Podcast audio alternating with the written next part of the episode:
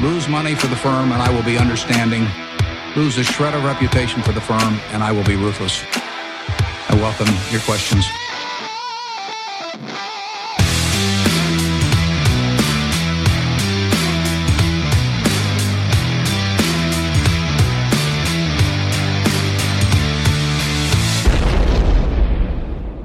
Hej och hjärtligt välkomna till Kvalitetsaktiepodden. Det är jag som är Ola. Och det är jag som är Marcus. Ja, det är jag som är Klas. Det här är avsnitt 150. Wow! Ja, släpps natten till torsdag den 14 september och spelas in på eftermiddagen onsdagen innan. Min jubileum. Ja, ja visst. visst. 150 avsnitt. Ja, men vi som bara kommer ut varannan vecka, det här är ju det är nästan som 300 om man hade kommit ut varje vecka. Ja. Och så är det lite mattelektion här då, för, för Marcus var ju med i, första gången Marcus var med var ju avsnitt 100. Mm, ja. Så då tycker man att det blir ett jubileum där, för det är hans 51 avsnitt där. Det är svårt. Au, ja, det, så är det. Ja, nej. Så det är ju något, något lite extra att fira, eller hur? Ja. Tänkte att vi kör en fanfar för de som gillar oss.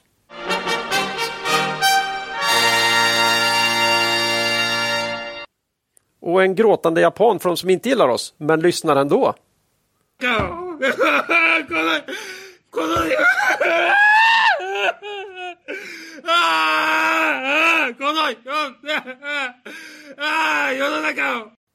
Det Bra, kan, va? det kan väl inte vara jättemånga som orkar med det om man inte tycker Nej, det är kul. gillar man de, inte kanske, de, de, kanske, har- de kanske längtar efter japanen och nu Tror- fick de den igen. Nej, men vet, vet du vad kan? Fa- eh, Poddfakirer. Poddfakirer, ja. Folk som lyssnar på poddar de inte gillar bara för att liksom plåga sig själv. ja. På, tal Kan, om, kan finnas. ja. på tal om fakirer då. Vi har ju nu tagit oss igenom en av årets, eller årets tuffaste rapportperiod. Så här långt. Ja. Eh, härifrån kan det väl bara gå uppåt. Ja, det, Eller neråt då. eller sidledes. Eller sidledes då.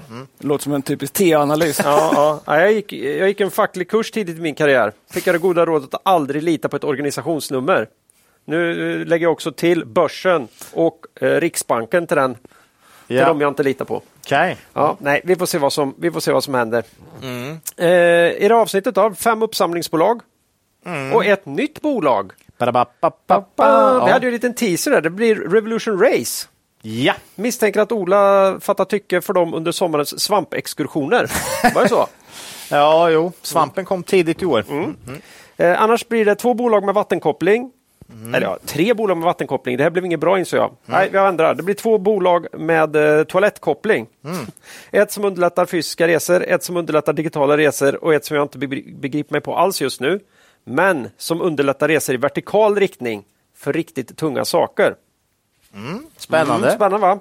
Eh, Lite aktuellt har väl Marcus skrapat ihop också kan jag tänka. Ja, det tror jag. Ett komplett avsnitt som vanligt. Sen senast då, vad har ni hittat på? Ja, vi har ju varit på en gemensam liten golfhelg här. Mycket trevligt. Får tacka, jag vet att både Magnus och eh, Johan lyssnar här va? Eh, så vi får tacka för en fantastiskt trevlig eh, tillställning. Ja, bra väder med. Mycket bra. I Tack och övrigt så håller jag på och fixar ordning min trädgård. Ju. Ja, det är fullkomlig byggarbetsplats. Ja, du var ju som ett barn på julafton när du hade en jätte, jättestor grävmaskin som körde någon stor rulle i din... Du klarar ju inte av att hålla koncentrationen i Svårt, jag satt videomötet. hemma och jobbade dag, men det är svårt att se eh, stora effektiva maskiner jobba. Alltså. Det är Visst svårt. blir man lite glad? Ja, det är häftigt alltså. Det är Han var ju proffs också. Ja, jo. Jag, jag tänkte så här, hur långt hade det tagit mm, för mig? Ja, alltså, för det första om man utan maskin och för det andra med maskin. Bara med maskin hade det tagit orimligt lång tid såklart. Eh, utan maskin, vi snackar ju månad, om ens något. Ja, men, Ja, hade Du, med maskin så hade du behövt låna lite andra trädgårdar först och öva på. Ja, jag tror det. tror Ola, innan. Ja, ja, fast Nu, nu, börjar det, nu börjar det se ut som det ska. Ja. Ja, nej, men eh, det är väl golfen som sticker ut. Vi hade ju kaplag där Ja. i lagtävlingen.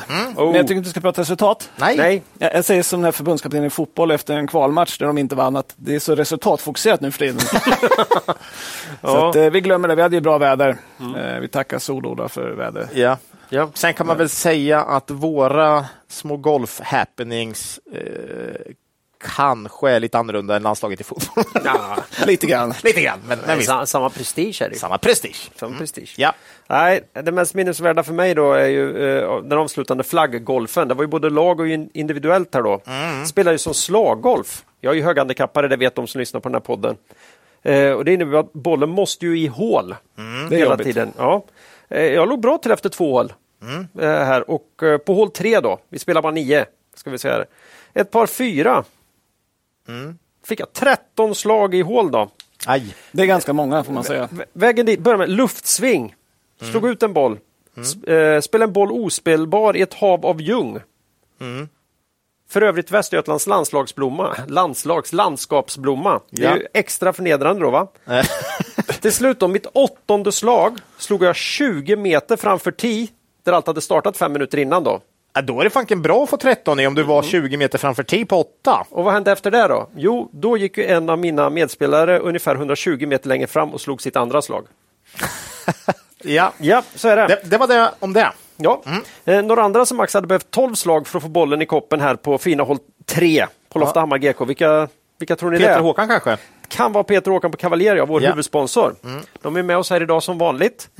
Eh, vi tog kontakt med Peter på Squadcast. Vi brukar göra det ibland så här när rapportfloden har lagt sig lite och snacka lite om deras fonder och eh, några spännande bolag i den här börsmiljön vi har nu då. Och det kommer här. Hej Peter, välkommen till podden. Tack så mycket. Kul att få vara med igen här. Ja, det är alltid kul att prata med dig om fonderna och bolagen i dem. Eh, ni fokuserar ju på kvalitetsbolag eh, på ja, övre small cap och mid cap främst i Norden. Precis som vi i podden. Även om ni är ju naturligtvis bredare än vad vi är i ert scope då.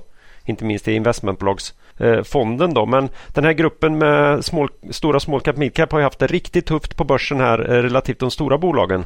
Så då undrar man ju hur det gått för era fonder Cavalier Quality Focus och Cavalier Investmentbolagsfond? Eh, över tiden så, så tror vi fortfarande att eh, små och medelstora bolag eh, kommer gå bättre än stora bolag, men eh, ibland blir det ju så här. Men fonderna har ju klarat sig ganska bra. Eh, våran fond Cavalier Quality Focus ligger ju bland små och medelstora bolag näst bäst både 2023 och eh, på de senaste tre åren också. Den har gått upp 40 procent de senaste tre åren. Då. Och eh, investmentbolagsfonden har gått upp med 97 procent de senaste fem åren då. Och, och den är upp 11 procent i år. Quality Focus är upp 5,9 procent 2023. Ja, över tiden så har, har det gått väldigt bra. Så vi känner oss med tanke på det nöjda. Och båda har vi fått fem stjärnor i Morningstar också, vilket vi är väldigt stolta över. Ja, det är kul. Det är bra jobbat.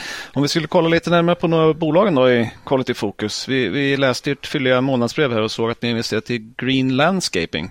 Snabbväxande bolag inom trädgård och parkskötsel. Det är inget bolag som vi har följt riktigt, så där. kan du berätta lite grann om dem? Ja, vi fick väl upp ögonen för det egentligen genom att vi har ju redan ett innehav i investmentbolaget Byggmästare AJ Ahlström och där utgör Green Landscaping eh, 25 procent av bolaget. Då.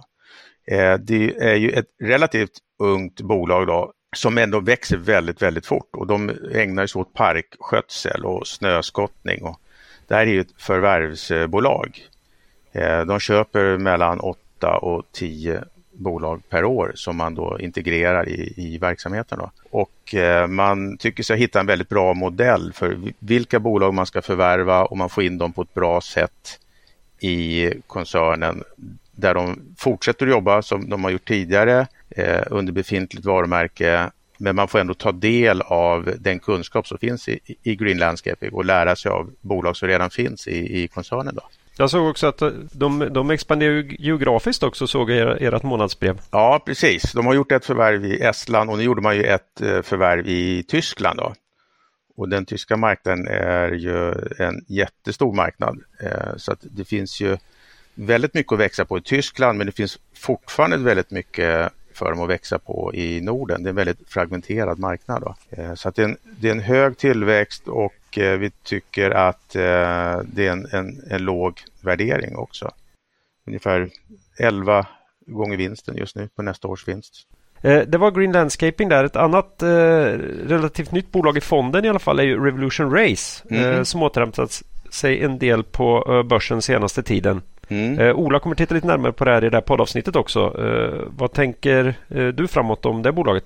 Eh, Det här är ju ett bolag som växer väldigt snabbt. Då. De omsatte ju 143 miljoner 2018 och nu ligger man på rullande 12 över en och en halv miljard nu 2023 så det är en fantastisk eh, tillväxt.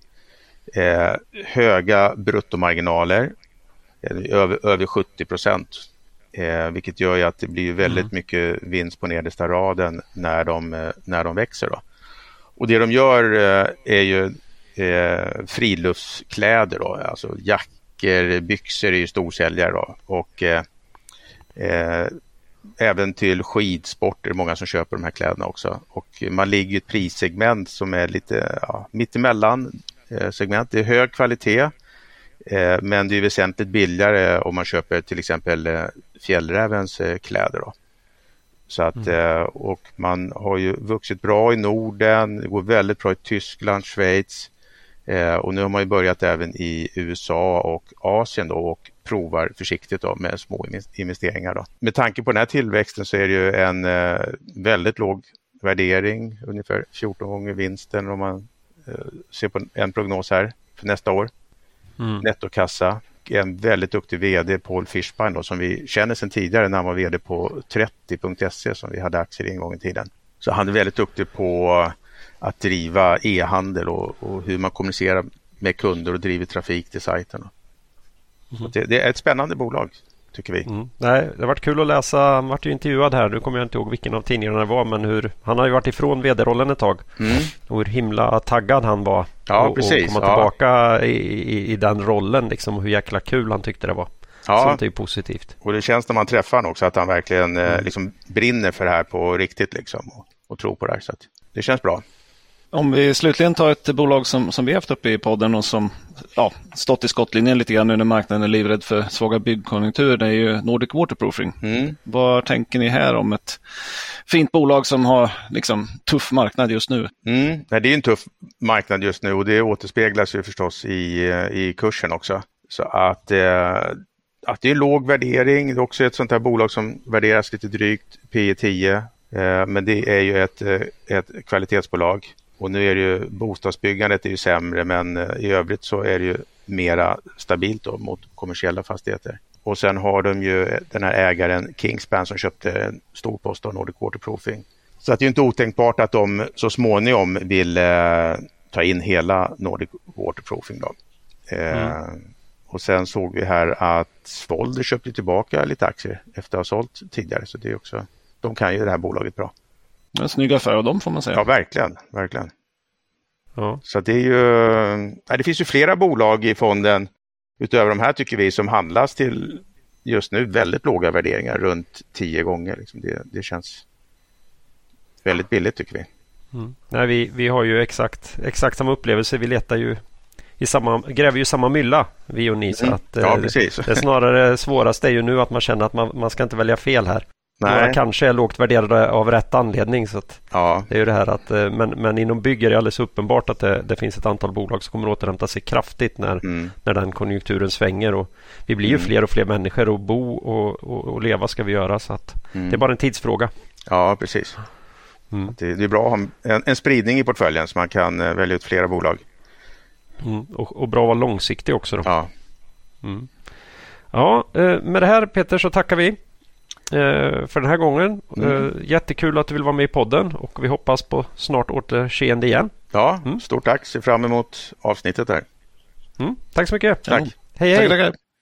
Vill ni veta mer om fonderna och filosofin bakom hittar ni all information ni kan önska er på kavaljer.se. Där kan ni också prenumerera på de informativa månadsbreven med både en kortare makrospaning och lite djupare information om några av bolagen i fonderna. Köpa in, i fonderna kan man göra, köpa in sig i fonderna kan man göra på bland annat Nordnet, Avanza och Saver. Och när vi pratar om fonder är det också viktigt att komma ihåg att historisk avkastning i fonder inte behöver vara en indikator på framtida avkastning och att ni kan förlora delar av ert satsade kapital då fonder både kan gå upp och ner i värde. Tack säger vi till vår huvudsponsor Cavalier AB. Börsdata då? Ja, vi vill också passa på att tacka vår äldsta börs, eh, samarbetspartner Börsdata som är ju värdeinvesterarnas bästa vän. Är ni inte medlemmar hos Börsdata än så blir det. Alla medlemsnivåer, priser och själva tjänsten hittar ni via borsdata.se. Tack mm. Börsdata. Nu då? Lyssnarna va? De vet ju om att vi är fundamentala investerare. Mm. Men även vi inser att utbud och efterfrågan är en marknadskraft som är reell. Eller hur? Mm. Eh, vi är generellt sett långsiktiga, men alla faktiska köp och försäljningar påverkas ändå av en kortsiktig marknad. Det, det hade varit dumt att inte ta hänsyn till det. Särskilt om man arbetar professionellt med förvaltning. Vi har därför inlett ett samarbete med Modular Finance för att se hur vi kan ha nytta av verk eh, verktyget Holdings. Både som inspirationsverktyg och för att spetsa till vår exekvering. Tack säger vi till Modular Finance och deras tjänst Holdings. Ja. Ja, och innan vi går vidare i avsnittet vill vi också påminna våra lyssnare om att aktieinvesteringar alltid innebär ett stort risktagande. Aktier kan både gå upp och ner i värde. Satsa därför aldrig kapital på aktier som du inte är beredd att förlora. Det vi säger på den ska aldrig betraktas som köp eller säljrekommendationer. Gör alltid din egen analys av bolagen innan eventuell handel. Det där måste varit rekord. Ja, jag tänkte du skulle ha det tempot under Aktuellt nu, Macke. här. Det tror jag inte. Nej, det var Nu imponerande faktiskt. Ja. Ja, då kör vi. Du kan få jobb på Radiosporten vilken Ja, dag ja, som ja. helst. jag, alltså. Vi byter ut Ja, du, kapten, spelare och kommentatorer. Jag kan säga det finns andra, andra poddar med disclaimers där jag ligger så kraftigt i lä. Ja, Så sant, att, sant, så sant. att, Jag tycker jag- du jag kommit jag tycker du kommer Du ikapp närmar dig Claes, du närmar dig. Tack, tack. Ni är för snälla. Nej, men eh, från förra gången då. Minus en och en halv procent. Ganska mycket av det kom idag då. Riktig neggdag här när vi sitter i Linköping. Det är underliggande svagt, det är inget snack om det. Ja, det finns en negativ underton Ja. känns det som. Bättre att sitta här då känner jag, än att sitta och stirra i skärmen. Ja, Ja, men så är det. Och det är inte ovanligt när det är september. Det brukar ju vara ganska svagt. Liksom. det här är en, eh, en svag tid på året, brukar vara. Ja. Så vi, vi hoppas att det blir lite bättre senare på året. så. Det brukar det bli. Eh, nej, men vi, vi har tidigare talat om att eh, många bolag eh, säger att den svenska marknaden är den sämsta för dem. Så. Och De brukar ju säga att det beror på att svenska konsumenter är mer räntekänsliga och, än vad de är i många andra länder i Europa. Och så. Ehm, och, och inflationen är väldigt hög i Sverige också. Ehm, häromdagen så kom HUI Research ut med en eh, liten rapport. Då, där de hade gått igenom olika branscher i Sverige. tyckte jag var lite intressant. Eh, bland annat sa man att byggvaror tros backa 16 procent i löpande priser i år. Ja. Och det är ganska mycket inflation på det där. Då. Ja. Så det skulle kunna vara uppemot en fjärdedel. ja. Det är inte bra. Nej, och det är väl det vi har sett på aktiekursen också på allt byggrelaterat egentligen, eller hur? Or- organiskt ner 25 alltså. Ja, förmodligen ungefär. Ska jag säga. Nej, det vet Eller- vi inte, men det skulle kunna vara Skulle så. kunna vara så. Fy fan, det är ett tapp du. Ja. Det är inte kul. Det, det brukar liksom ta fem år att bygga upp. Det härliga är ju ändå att efter det här året så eh, är vi ändå nere på någon form av lågkonjunkturvinst va? Jag, jag tror det skulle bli lätta komps sen. Ja, jo men det är ju samma grej då. Som man, eller hur? Jo. Man säger, är, är det ner 25 procent, ja men då, då är det ju betydligt lättare jämförelsetal. Så, Ja, så att, eh, och, och dessutom kan inte det här mantrat med att ja, det är på en högkonjunktursvinst. Det går ju inte att säga då längre. Nej, så att, eh, det finns alltid något positivt med sånt här. Men sen har vi några andra branscher. då. Elektronik minus 8. Möbler och heminredning minus 7. Då. Också Ja. tufft. Ja. Lite överraskande kanske, men kläder och skor plus 3. Så det klarar sig bättre. Snyggt. Mindre grejer kanske, det är inte svårare än så. Liksom. Nej. Och sen tror jag det byggdes lite mycket under pandemin va? Jag vet inte, kändes så. Jo, det var så. Eh, Hur, gick, hur går det med läppstiften då? Vi lanserade ju läppstiftteorin här någon gång för länge sedan. Här, att Ja, men jag tror de man- står emot. Det är möjligt att du kan eh, applicera den faktiskt på kläder. Möjligtvis. Eh, för jag hittar inget särskilt för just läppstift. Nej, det är lite, lite för smal kategori. Ja. Kan du berätta om den här? Nej, men det är ju teorin att när man inte har råd att köpa den här konsumtionsvaran man verkligen vill ha så undrar man sig åtminstone någonting Ja. onödigt lyxigt fast billigt. Ja. Och då har läppstift blivit en symbol eh, för det. Ja. Eh, och vad är då motsvarigheten för Oh. eh, ja, grabbar kan väl också ha läppstift i och för sig även om det inte är så vanligt än. Men Nej. vad, vad fan köper vi då? Vi köper ett par onödigt dyra joggingdojor i alla fall när vi inte kan få en ny bil. Är det så? Jag vet inte. Nej, men alltså små grejer. eh, Visst, det, det kanske inte tappar lika mycket. Man tror, På något sätt kände väl jag ändå att att Nimbus skulle ligga i den absoluta Ja. botten. Fåran. Stora grejer som ändå får betraktas som någon form av Vi ska, lyxkonsumtion. vi ska ju prata Kabe här sen. Jo, det den- är ju... det- Vi kommer in på det då. så, så att, men, men små grejer borde ändå klara sig lite bättre. Ja. Det tycker man. Men, men jag tror att om man tittar på de här kategorierna också så är väl nybyggnation och att det liksom läggs ut en massa lägenheter men ingen köper någon. Jag menar, nu flyttar så byter du kanske lite möbler, eh, bygger om lite grann. Så heminredning och sånt får ju smälla av, Ja. av att det stannar upp på, på bostadsmarknaden. så att säga. Absolut. Och, och det här låter ju inte som mumma för BOG till exempel eller Byggmax och sådär. Nej. Eh, utan det ser ganska jobbigt ut. Men det lite lur- luriga är ju då att börsen brukar ligga 6-9 månader före. Lite vad du är Det inne var på. lite jag var inne på, ja. Ja, för, för att jag menar, det vänder ju inte när det ser... Eller, man kan säga det vänder ofta ner när det ser riktigt bra ut. Ja. Ta kontraktstillverkarna just nu. ja. Men det vänder också upp innan det börjar se bättre ut, Ja. oftast. När man Eh. börjar kunna se någon form av botten, då, då, då, bör, då brukar det vända. Eller egentligen innan någon ser Ja. någon botten. Men marknaden börjar ändå ta ut någon form av botten eh, innan så att säga. Jo, och det brukar vara en dålig idé att slänga iväg konjunkturkänsliga bolag på botten så att säga. Det har väl aldrig varit en bra idé. Men det jobbiga är att veta när botten är. Nej, det vet man ju inte. eh, Nej, det vet man ju Och inte. det vet ju inte vi heller. Nej. Men om man har bolag med bra balansräkning som kommer att överleva till att hitta botten så att Ja, säga, då kan man ju bara vänta. så kan man vänta. Ja. Eh, Och det är möjligt att vi är närmare botten i alla fall än, än ja, vi var på den gamla toppen. Så Ja, jag har ju kört den här liknelsen med en bojsten på ett stormigt hav. Ni vet, där uppe så stormar det som satan, men bojstenen ligger ju ändå väldigt stabilt där nere. Mm. Lite så kan man tänka sig att man är som investerare när det är riktigt skitklimat på börsen. Man bara väntar, men det bygger på att man inte har belånat sig och att man tvingas åka upp till ytan och få de här eh, riktiga stormvindarna. Va? Och att bolaget inte har belånat sig Och så att, att de går bolag, åt skogen. att du inte är belånad och att bolagen har investerat i eh, inte är belånade. Ja, inte för mycket i alla fall. Nej, då kan du eh, ro, ro dig igenom stormen. Eh, ligg bara där nere på botten och, och mys. Va? Om det inte är svinkallt på botten. Kan det vara, men en bojsten fryser inte. Vet du. Nej, det gör det inte. Nej. Ja, Ja, du, får var se. in, du var in character här. Ja. Ja. Nej, men det, det blir spännande att se. Det är, Mycket. Men som sagt, det är inte säkert att det är den bästa att slänga ut bolagen som har gått ner mest om de går ner av konjunkturella skäl. Så att Nej. säga. Och, och ofta tycker jag att liksom, konjunkturella skäl och en allmän börsoro brukar vara väldigt bra långsiktiga in, köptillfällen. Ju. Mm. Brukar vara så. Sen kan det alltid bli sämre tyvärr. Eh, det. det, och det vet du ju aldrig när, när, när man ska köpa. Och sen kan det vara enskilda bolag som, Som, faller ur ramen som faller ur här och då är det därför man inte kan ha för hög exponering. mot ett enskilt. Nej. Nej. Nej, och särskilt inte någon med lite dålig balansräkning Nej, som gör en fy. emission på botten Boom, eller liknande. Liksom. Nej, nu, det går inte nu. Nu ska det vara städat i balansräkningen alltså. Ja. Så. Eh, lite kort uppföljning från förra podden också. Eh, vi pratade ju rapportdatum. Eh, vi sa ju att det vore kul ifall någon student gjorde en uppsats och undersökte om man fick under, under, en underavkastning om man köper de som kommer sist i rapportperioden då, på sista dagen. Ja. Då fick vi in ett eh, mejl till podden från lyssnaren Per Eriksson. Han hade ju backtestat det här i Börsdata då, efter vårt avsnitt. Han kom fram till att man fick en tydlig underavkastning och i vissa perioder var avkastning, avkastningen häpnadsväckande dålig, som man skrev. ja. Kul! Ja, lite roligt. Så att, eh, och sen upplyste han också att det fanns en artikel i DI som jag hade missat från 31 maj i år. Ulf Pet- Petersson eh, gick igenom 21 bolag på First North eh, och Stockholmsbörsen som i Q1-perioden kom sista tänkbara dagen. Då. Han kom fram till att de här bolagen, då, 21 stycken, samtliga hade utvecklats sämre än Stockholmsbörsen under två års tid. Och hälften hade tappat 75 procent av sitt värde. Mm, nej, men då har vi något här. Ja. Så kan vi nog säga. Man, vi har något. Det, det är ofantligt dåligt. Var lite försiktig med bolag som hela tiden på något sätt eh, rapporterar sista dagen. Alltså. Ja. Mm, ja. Eh, Och liksom, för att vara övertydlig här då, så kom SAS med sin Q2-rapport en dag efter sista dagen.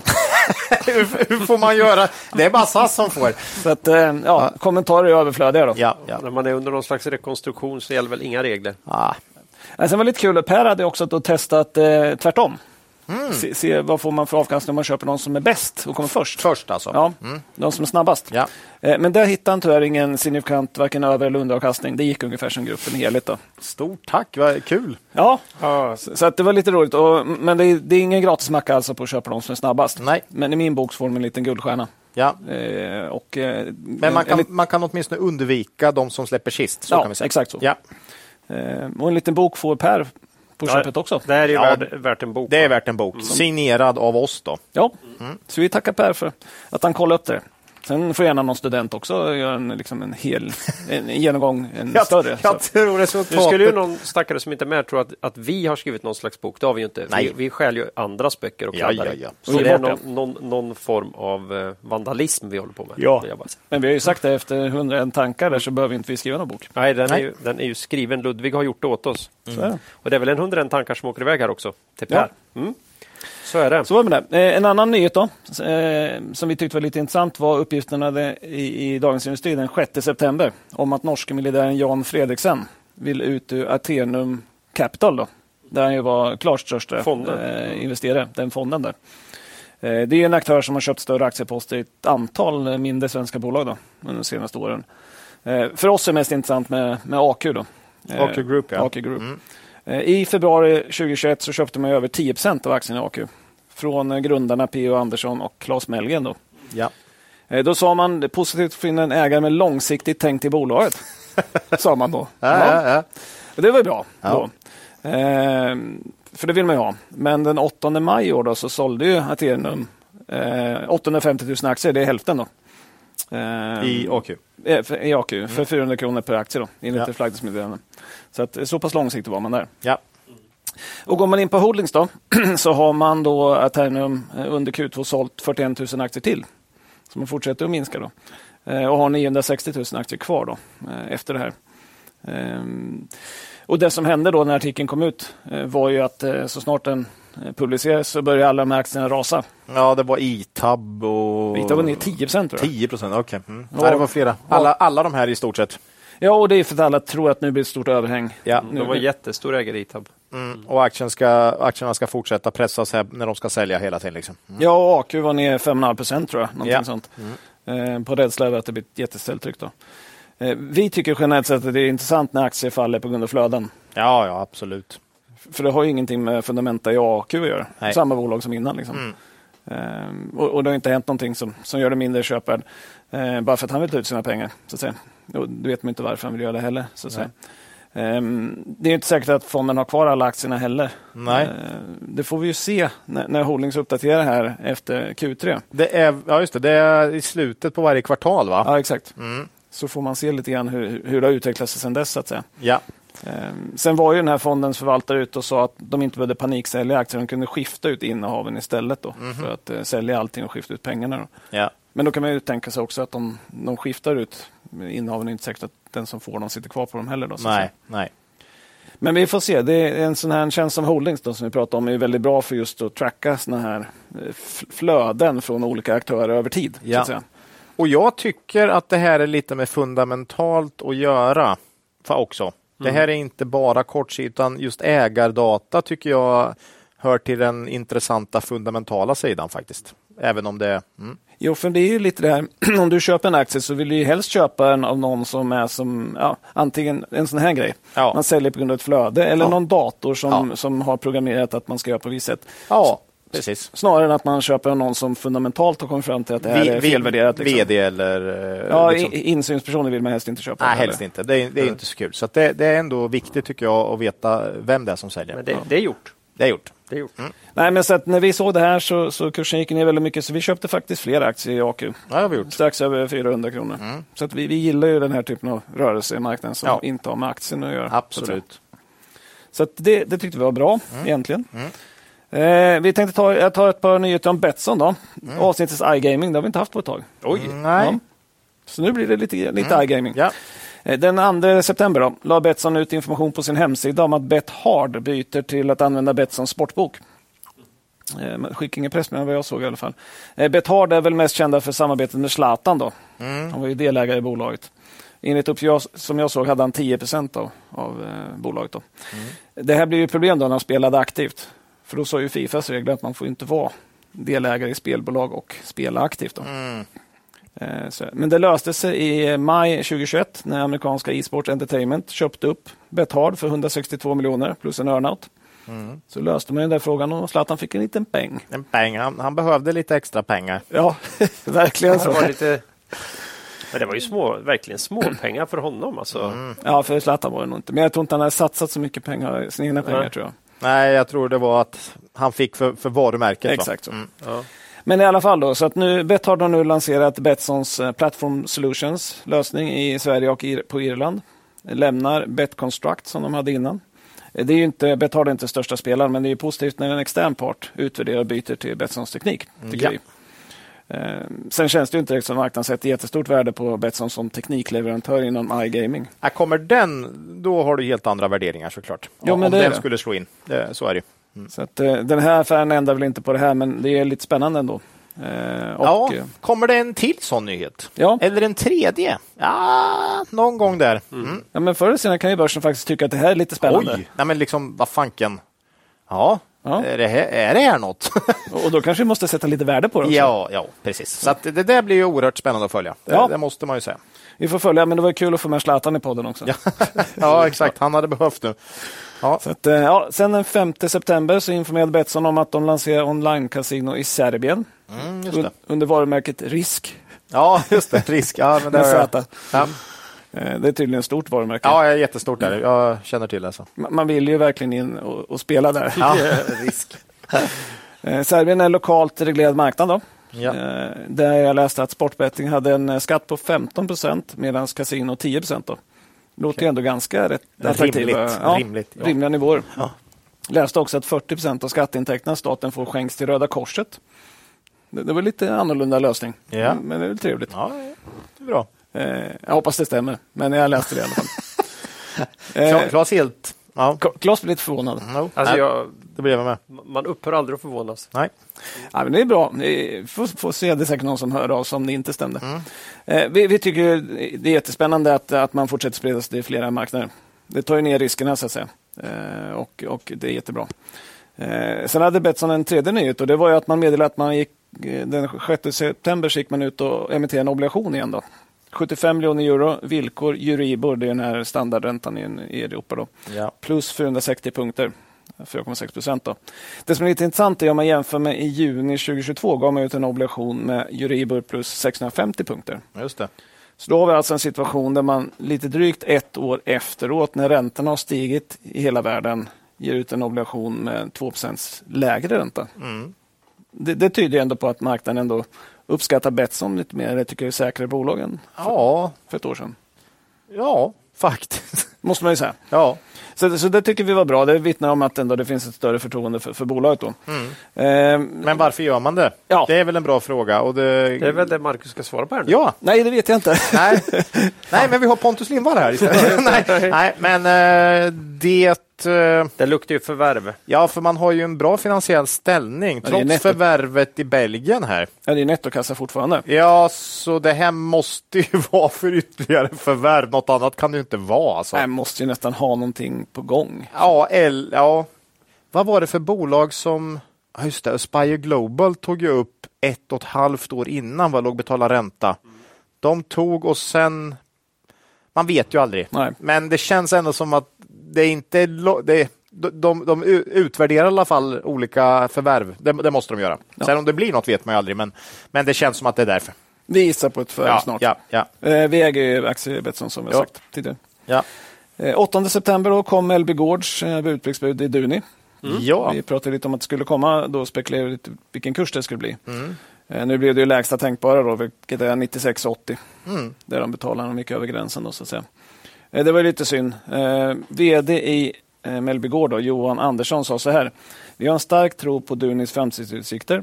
Vår ambition är att från tid till annan kunna förvärva ytterligare aktier när och om vi så önskar. För det fall att vi får mer än 90 procent av aktien i Duni så anser vi att vi har förvärvat bolaget till ett mycket attraktiv, på en mycket attraktiv nivå. ja, det förstår jag. Ja, och sådär. Eh, acceptfristen då, vi pratade lite förra gången, den löper mellan 12 september och 10 oktober. Eh, tyvärr då så avslutas ju budet då innan Q3-rapporten som kommer 20 oktober. Mm, ja, det är synd. Så man får ingen gratis titt. Nej, ingen gratis titt på rapporten. Nej. Vi, vi spekulerar om vi kunde få det kanske, men det ser inte ut så. Nej. Tyvärr. Eh, vi, vi tycker generellt sett att Duni ser lågt värderat ut. Mm. Inte superattraktivt erbjudande. Nej. Eh, rakt av så. Nej, jag tror gärna de tar in 90 procent Nej, om de... svar, svaret är väl givet var, varför man gjorde så här. Man ville helt enkelt ta sig över eh, budpliktsgränsen. Ja, det känns så. och, och sen så rafsar man åt sig så mycket aktier man får från svaga Och, händer. och, och sen kan, är man fri att köpa vidare Ja, i sen är marknaden. man fri. Eller hur? Ja, efter nio månader kan man betala Ja. mer också Ja. om man skulle vilja det. Så, så Ja. man, vill- man vill helt enkelt mm, Och näst- bränna av där nu. Och nästa liksom. gång man måste lägga bud är... Nej, det är inga mer gånger. Nej, det finns inga mer nu. Eh, Nej. Det är om du vill in alla aktier kan det bli lite svårt att köpa bara marknaden. Ja, Men det. det finns inte en extra budpliktsgräns. Nej. Så att säga. Man har diskuterat om man skulle ha en på 50 och kanske två tredjedelar. så Ja. Det har man inte gjort. Nej. Så att. Så att nu är det bara att förvärva på här. Ja, om nio månader efter budet är Ja, slut. Ja. På högre nivåer. ja. På lägre får du alltid köpa. Det får de köpa om de vill. Eh, Sen är ju liksom, det är lite svårt, eh, man vet ju aldrig riktigt vad som händer på börsen heller. Alltså, Nej, nu nej, har du en gratisoption ifall det blir ett jättebörsfall. Eh, så att det finns annat som ser superattraktivt ut. Ja, just det. Jo, det kan nu fram till 10 oktober. Ja. ja, ja precis. Jo, men det har man ju. Så, så det, vi har sagt vi får ju avvakta lite och se om det händer något sånt. Ja. Eh, men annars så ser det inte så attraktivt ut. Nej, däremot tycker vi Duni ser väldigt nej, men, vettigt lågt värderat ut. Ja, Det är i alla fall inte dyrt, så kan vi säga. Och relativt stabilt bolag ändå. vi delar väl Melvegårds eh, ja, Ja. Syn på det. Simon Blecke var väl ute och snackade om 150 till 200 spänn, men han kanske talar i egen bok. Jag vet inte. Ja, det gör han garanterat. men han kan göra rätt ändå. Det kan han ha. Det kan han ha. Så att, eh, nej, han, Affärsvärlden satte sälj och för att sätta sälj på 96 när kursen står i 90, 98 kronor. De, vad, vad har man för riktkurs då? Är det, är det 80 eller? Något sånt. Så då har vi alltså 80 på Affärsvärlden, 180 på Blecker. Det är skillnad. det är lite spread kan man säga. ja, det blir spännande att se. Vi får se vem som får rätt. Ja, nej, Och, eh, och då kan man säga, kanske båda får rätt, men på olika tids eh, rymd. Va? horisont. Ja. Så kan det vara. Ja. Sen är ju det här budpliktsbuden i Svedbergs och Dustin avskräcker lite grann här. Där aktierna ganska snabbt efter buden avslutades gick ner eh, ganska mycket. ja. Så man vet ju aldrig. Nej, samtidigt tycker jag det är svårt att jämföra bud. Det, det är liksom inte riktigt med det att göra. Nej. Utan det är snarare bolaget i, i grund och botten som hur det presterar. Så, är det. så att, nej, men vi får se vad, vad som händer. Vi lär väl återkomma till det. Ja. Så att säga. Eh, 7 september informerade Waystream om att man fick en andra order från Telia Estland. Då, en och en halv miljon. Man fick ju en första på 1,2 miljoner i maj. Det är ju positivt att Telia Estland fortsätter beställa. Men den tänkbara triggern som vi har talat om är att Telia Sverige börjar beställa. Ja. Det är ju det som kan bli stora, eh, stora pengar. så att säga. Eh, Sen är det ju eh, så att vi, vi tror, som vi sa förra gången när vi pratade Waystream, att det finns en stor risk att Q3-rapporten blir väldigt svag. Så att det är nog inte så bråttom att behöva gå ut och köpa aktier i Waystream. Nej, det är ju ofta så där att bolag som har det tufft, att det, det hänger i ett tag. Ja. Och det är Eh. jättesvåra komps också. Ja. Så att, eh, det, det är nog inte så bråttom. Men, men får de order av Telia Sverige så kan marknaden börja liksom drömma lite. Mm. Eh, avslutningsvis då, NGS. Mm. Eh, kom nyheten 11 september. Vi har ju pratat om någon tidigare i podden och sagt att vi sålde våra sista aktier för drygt ett år sedan. Mm. Eh, bolagets lönsamhet havererade och har fortsatt att bli ännu sämre sedan dess. Då. Ja, Eh, ja, Ett riktigt kvalitetsbolag som blev något annat. tyvärr. Mm. Eh, vi följer dock bolaget lite från sidan då, som, det är med att det är en peer till Dedicare. Mm. Nu meddelar de att man initierat eh, besparingsprogram. Man ska spara 12 miljoner kronor om året med start Q4 23 till en kostnad som är okänd och man ska ange den i Q3-rapporten sen. Mm. Så att man, man, eh, man, man eh, ger marknaden lite köttben på att man ska spara 12 miljoner men säger inte vad det kostar. Nej. Eh, Men sen informerar också en nedskrivning av goodwill på nettasumman 100 miljoner kronor. Perfekt. Mm. Det är Ja. ganska mycket för ett bolag som har ett börsvärde på 70. Ja, Det kan- det kommer också i Q3 då. Shit alltså. Eh, Så, så den blir nog inte jättekul. Det är ett stålbad. Det står då. Men då kan man tänka sig, det måste ha rasat på den där informationen. Oj, oj, oj. Nej, Nej, det gick väl upp va lite? ja, 5,6 procent på dagen för nyheten och 6 procent dagen efter. Sen, sen var ni idag såg jag. Men det är ganska tunn handel. Vad är det Charlie Mange brukar säga om, förv- om eh, Förväntningar. förvänt... Vägen till ett lyckligt liv är låga förväntningar. ja, nej, Det är därför jag börjar jobba här. ja, alltså på något sätt känns det som att eh, bara det här att någonting händer och att man ska spara pengar var tillräckligt för att, att aktien skulle gå upp. Liksom. Ja, det är förmodligen det. Ja. Eh, Liksom förhoppningar på att man faktiskt gör någonting. Ja. Och kan man spara 12 miljoner om året så är det ganska mycket för, för NGS, även om det kommer Ja, de har verkligen slant, liksom. hamnat i någon form av... Men vilken Tufft brak, läge. brakförlust de kommer göra i år då när de väl... Jo, det blir ju så. Fy Ja, fasen. det blir. Men, men det vi tänkte egentligen ta upp var ju här goodwill-skrivningen. Då. Ja. För, för det är ju så att ja, man har ju en enorm goodwill-post. Eh, 226 miljoner kronor eh, som goodwill i NGS Mm. på ett börsvärde på 70. Mm. Då kan man lugnt konstatera att börsen inte trodde på värdet på den goodwill-posten. Nej. Eh, För då hade man inte handlat ner aktien så mycket. Fara att handla på eget kapital. Ja. Är det där du... Nej, jag kommer komma till den. Ja. Eh, nej, men det är ju så att eh, om man har ett eget kapital på 236 miljoner, Mm, så, så om man skriver ner hela den här så raderar man i princip helt ut det egna kapitalet. Ja. Eh, Men det är uppenbart att marknaden hade ju redan räknat in att man skulle skriva ner. Eh, Men, men och det, och det är liksom, vår poäng är egentligen att marknaden ligger alltid före bolagen. Eh, det finns inget framåtblickande i bolagens goodwill-nedskrivningar utan de kommer när man redan liksom, det är uppenbart för alla Ja. att det ser ut så. Så är det. Eh, Och, och sen här så, så, så kom man ju efter väldigt noggrant räknande fram till att det var exakt 100 miljoner man skulle skriva av. Då. Den jämna siffran, exakt 100 miljoner. Jäkligt Fan, det smidigt. kan alltså. slumpa sig så. Alltså. Ja, av de här 226 miljonerna. Ja. 100, eh, det är inte värt. Men, Ett yxhugg, men, Ja. men är det tillräckligt? Ja, Nej, jag vet inte. Men, Eller- men, men man kan ju raljera lite grann över varför Ja. just exakt 100 Ja. miljoner. Men, men poängen är det här med att vi tycker att testerna i sig, liksom, de är inte framåtblickande utan de kommer efter fakta redan konstaterat. Ja. Ehm, och oftast kommer nedskrivningar först när man byter vd. ja, Det är också lite... också så. Eh, och, och det är lite det här på temat Ja, men är ni inte oroliga för balansräkningen, goodwill och sånt där? Ja, jo visst, det är ganska mycket, men ofta när den typen av nedskrivningar kommer, då är det liksom det är liksom redan... Det har redan skett. själva, själva nedskrivningen är ofta inte det som... Ja, den kommer sist Ja. nästan. Så. Så, så att, eh, men en annan till poäng är precis det du börjar med. Där.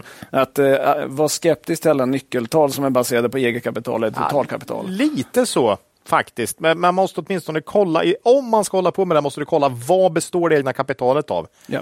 Eh, Så att du, ja men är det bara en påse pengar? Ja, och sen, man har ju, jag tycker ju IFRS har förstört balansräkningarna med alla eh, Ja.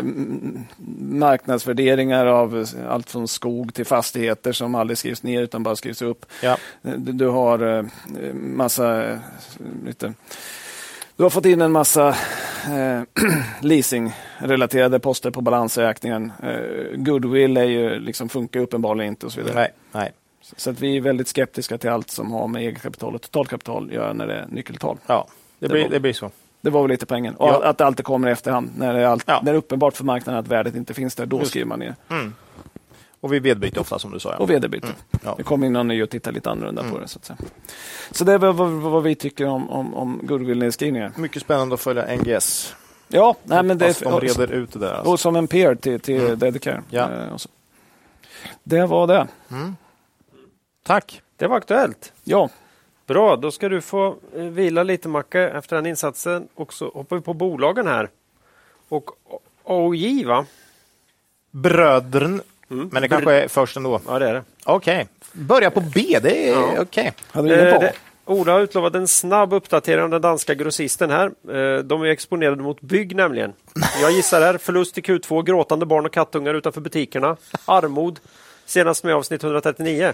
Alltså, i många fall kan jag känna så här, om det inte blir värre än så här, alltså liksom bring it on alltså. För det här är, det är inga katastrof, alltså liksom det är tuffa tider. Omsättningen för AJ sjönk med 4% i Q2. Ja. Resultatet minus 20. Ja, visst.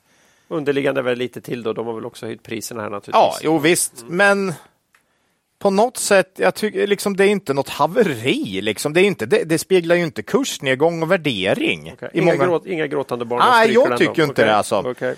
Eh, vad gäller omsättning var den väldigt in line med våra förväntningar. Resultatet något sämre dock.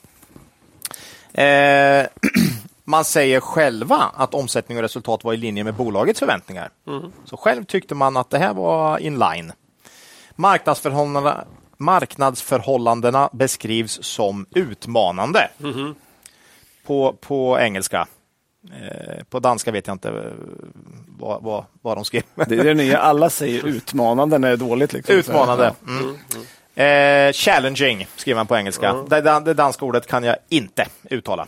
Eh, jag, jag, ibland får jag upp den danska versionen när jag ska ha upp och jag... Eh, får försöka tolka ut vad som är vad. Då. nej, mm. eh, B2, B2B-segmentet var omsättningsmässigt ungefär oförändrat. Det är fortsatt här B2C. Det här jättebra segmentet under pandemin Mot konsumenterna. mot konsumenterna som tappar rejält. Minus 17 procent på omsättning. Och då borde det kanske vara 25 procent i volym, eller? Ja. Gissningsvis. Eh, har påverkats rejält, då, betydligt mer än B2B. Eh, skönt att, ba, att B2C bara är 10 procent nu då. Får man ju säga. I sin guidning för helåret höjde man omsättningsprognosen något, faktiskt. Eh, Medan man behöll resultatprognosen. Man lyfte dock skrivelsen om EBT till in the high end av intervallet och då är det på grund av positivt påverkat av lägre avskrivningar här under året. Eh, och om vi kollar på helårsprognosen. Så... De, de här vad de gjorde eller? Ja. ja. Att de förlängde tiden på, på ja, laget. Och, och, hade de inte gjort det där, ja då hade det väl varit in the low end, typ. Men för mig spelar det ingen större roll egentligen. Eh, om vi kollar på helårsprognosen så ger det en ungefärlig oförändrad omsättning under andra halvåret och ett EBT-resultat på cirka 10 procent lägre än föregående år. Det är ju inte, alltså med, med tanke på kursnedgång och värdering så Just bring it on alltså. Det, det, här känns ju inte alls så brutalt. det kanske marknaden kommer göra också. Ja, vi, ja antingen ska, ska aktien upp eller så är ett 2024 som kommer vara lite av det här vi brukar prata om. Ett, ett år när, när världen inte är, längre är som den har varit. Med. För, för värderingen på AOJ är så låg.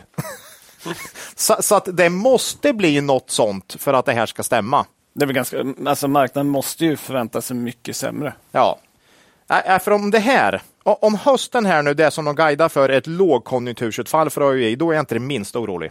Det kan jag säga direkt. Ja, börsen måste tro att 2024 blir betydligt tuffare. Annars eh, får jag inte ihop det här överhuvudtaget. Värderingen P7 nämligen. Eh, cirkus. På 69 kronor får jag det till P7, 7,5. Eh, jag gissar på 4,50 utdelning i vår. Att man sänker från 5,25 till 4,50. Direktavkastning 6,5 procent. Eh, fin historik i AOJ, det är bara att gå in på börsdata och titta. Värderingen dock, ska man komma ihåg, har alltid varit låg här. I stort sett. P10 i snitt. Det tycker vi är för lågt i och för sig, men börsen har alltid haft en låg värdering på det här bolaget och där kan man alltid komma ihåg att ibland har bolagen eller har marknaden liksom satt en värdering på ett bolag och det kan hänga i jäkligt länge. Men vi tycker inte det är rätt.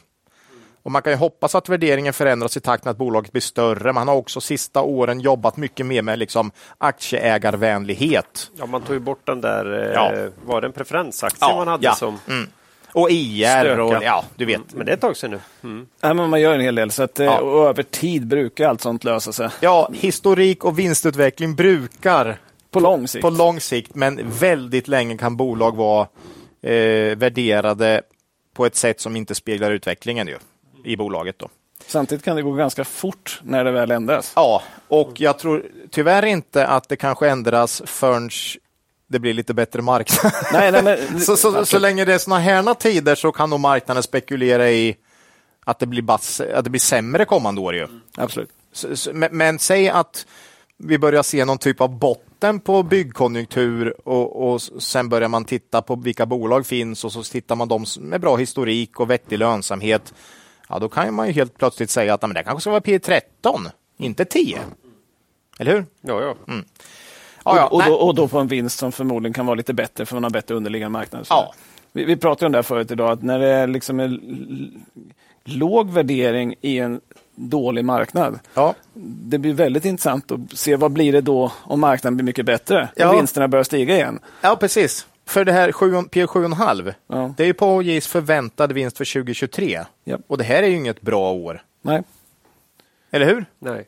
Sen vi brukar ju prata om lågkonjunktursvinster, att man då kanske, ja men du kan ju kanske tillåta P 15 för ja, ja. det är ju liksom det sämsta då.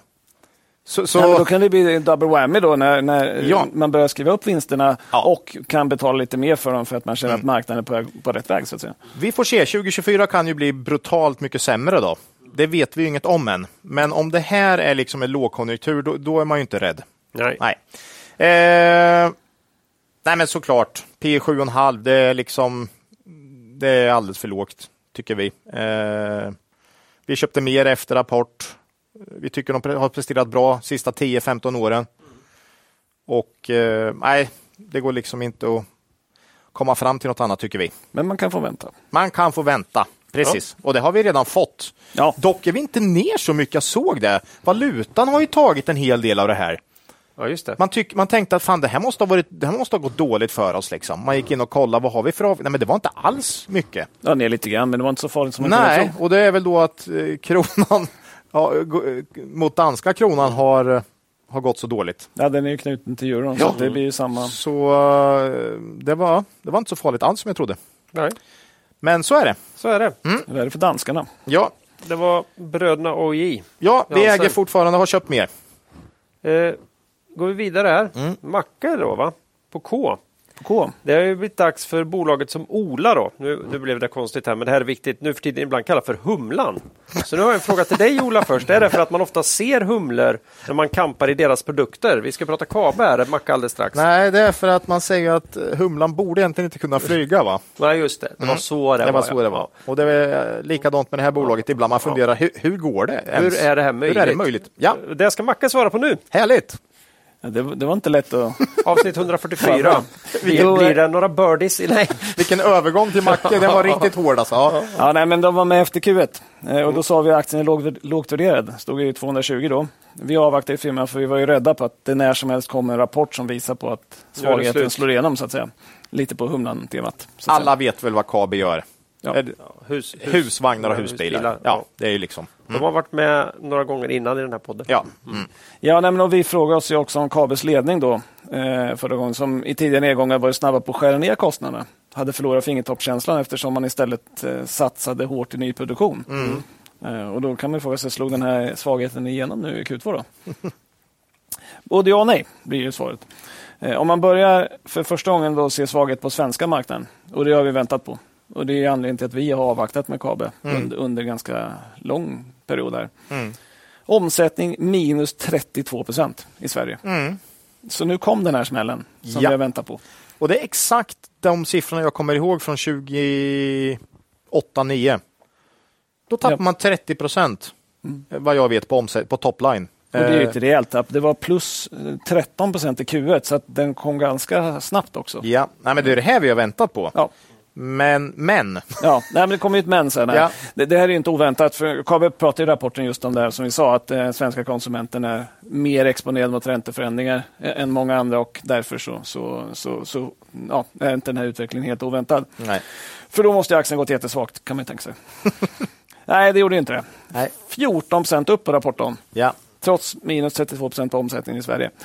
Eh, Och kursen har fortsatt upp sedan dess. Och det här beror ju på att de utländska marknaderna gick urstarkt i Q2.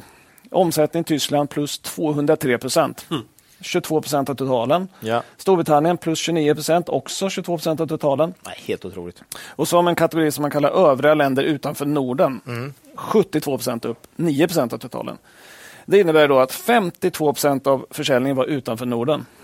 Det är klart all time high. Eh, Så sent som 2020 så stod försäljningen utanför Norden för 6,6 procent. Ja, det här är ju Nej, helt sjukt. helt makalöst. Ja. Men coachman är ju en del i det här va? Ja, det är absolut en, en stor då- del av det. Vi, Men- Visst vill man ville väl egentligen ta...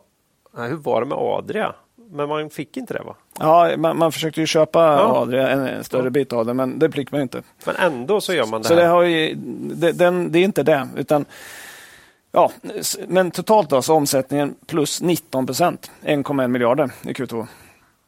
Det är helt otroligt egentligen med 32 procent ner i Sverige som har varit en överlägset dominerande marknaden tidigare. Då, så att säga. Ja. På produkter som ska vara omöjliga att sälja i en lågkonjunktur. Man täcker alltså upp på andra marknader. UK måste ju gå bra, för det, det fanns ju med i jämförelsetalet. Ja, Sen är det ju en vansinnig tillväxt i Tyskland Ja. som är eh, organisk, eller hur? ja. Helt otroligt alltså. Nej, och sen ska man ha med sig också att Adria var, var svagt i Q2 förra året. Då. Eh, Så att man hade lite lättare komps på omsättningen. Då. Ja. var minus 7 procent då. Eh, Så omsättningsmässigt var det lite lättare jämförelsekvartal. Då. Ja. Ehm, Men vi har pratat om den här eh, försäljningen utanför Norden faktiskt förra gången, för då var det också väldigt bra, även om det inte var så här bra. Nej. Man har uppenbarligen gjort någonting extremt bra på exportmarknaden. Lite kan ju vara valutarelaterat. Ja. Eh, Det är inte svårt att tänka sig att man har en fördel av produktion i Sverige i kronor Mm. och så säljer man till, i pund i Storbritannien och i, framförallt i euro i Tyskland. Då. Ja, vad jag vet så har de kronor i Tenhult också, Ja, eller hur? Eh, och, ja. Så att det, det, det lär ju gynna dem. ja, man borde ju ha en ganska stor fördel mot tyska konkurrenter som producerar euro när Ja. man ska sälja i Tyskland. Så att säga. Ja. Eh, Tyvärr redovisar ju KABE inte omsättning valutaneutralt då, Nej. eh, som väldigt många andra bolag gör. Det hade ju varit väldigt intressant. Vi har bett dem att göra det framåt och de har indikerat att de ska göra det. Så vi får ju se De blir ju näst, nästa större rapport. då, och så större så att, eh, ja. Nej, men det är som du säger, det, var ju inte, det spelar ju ingen större roll när Sverige var så dominant. Nej, men nu börjar det bli väldigt intressant helt plötsligt. Ja, om man halva försäljningen utanför Norden så blir det en valutan en, en viktig fråga att ha koll på. Mm, så, att säga. så vi hoppas att de tar med det i nästa rapport. Ja. Eh, Kabels omsättning då, den var ungefär vad vi trodde, faktiskt 1 sämre än vad vi trodde. Däremot trodde vi kanske inte fördelningen skulle vara som den var. Då, så att säga. Nej. Eh, det var 9% högre än Pinpoint, eh, som låg lite mer fel. Men det som överraskade var att rörelseresultatet på 103 miljoner var 17% högre än vad vi gissade på. 46% högre än Pinpoint. Då. Då låg vi ändå mindre fel då. Ändå. Ja, men de i alla fall. Nej, men marginalen var 9,6 procent i Q2. Det är högsta marginalen sedan Q2 2011. Ja, det är, det är verkligen en humla, men du har ju förklaringen i Förklaringen till humlan här är ju utländska marknader. Ja. Det är ju bara så. Det är ju inget 30% minus, det var ju det man hade kunnat vänta i Sverige känns som. Och, och det är rimligt också, tror kanske att den här försäljningen utomlands då blir lite mer lönsam också när man producerar kronor ja, och säljer euro. Ja, så ja. Därav den höga marginalen i kvartalet. Då, så mm. säga.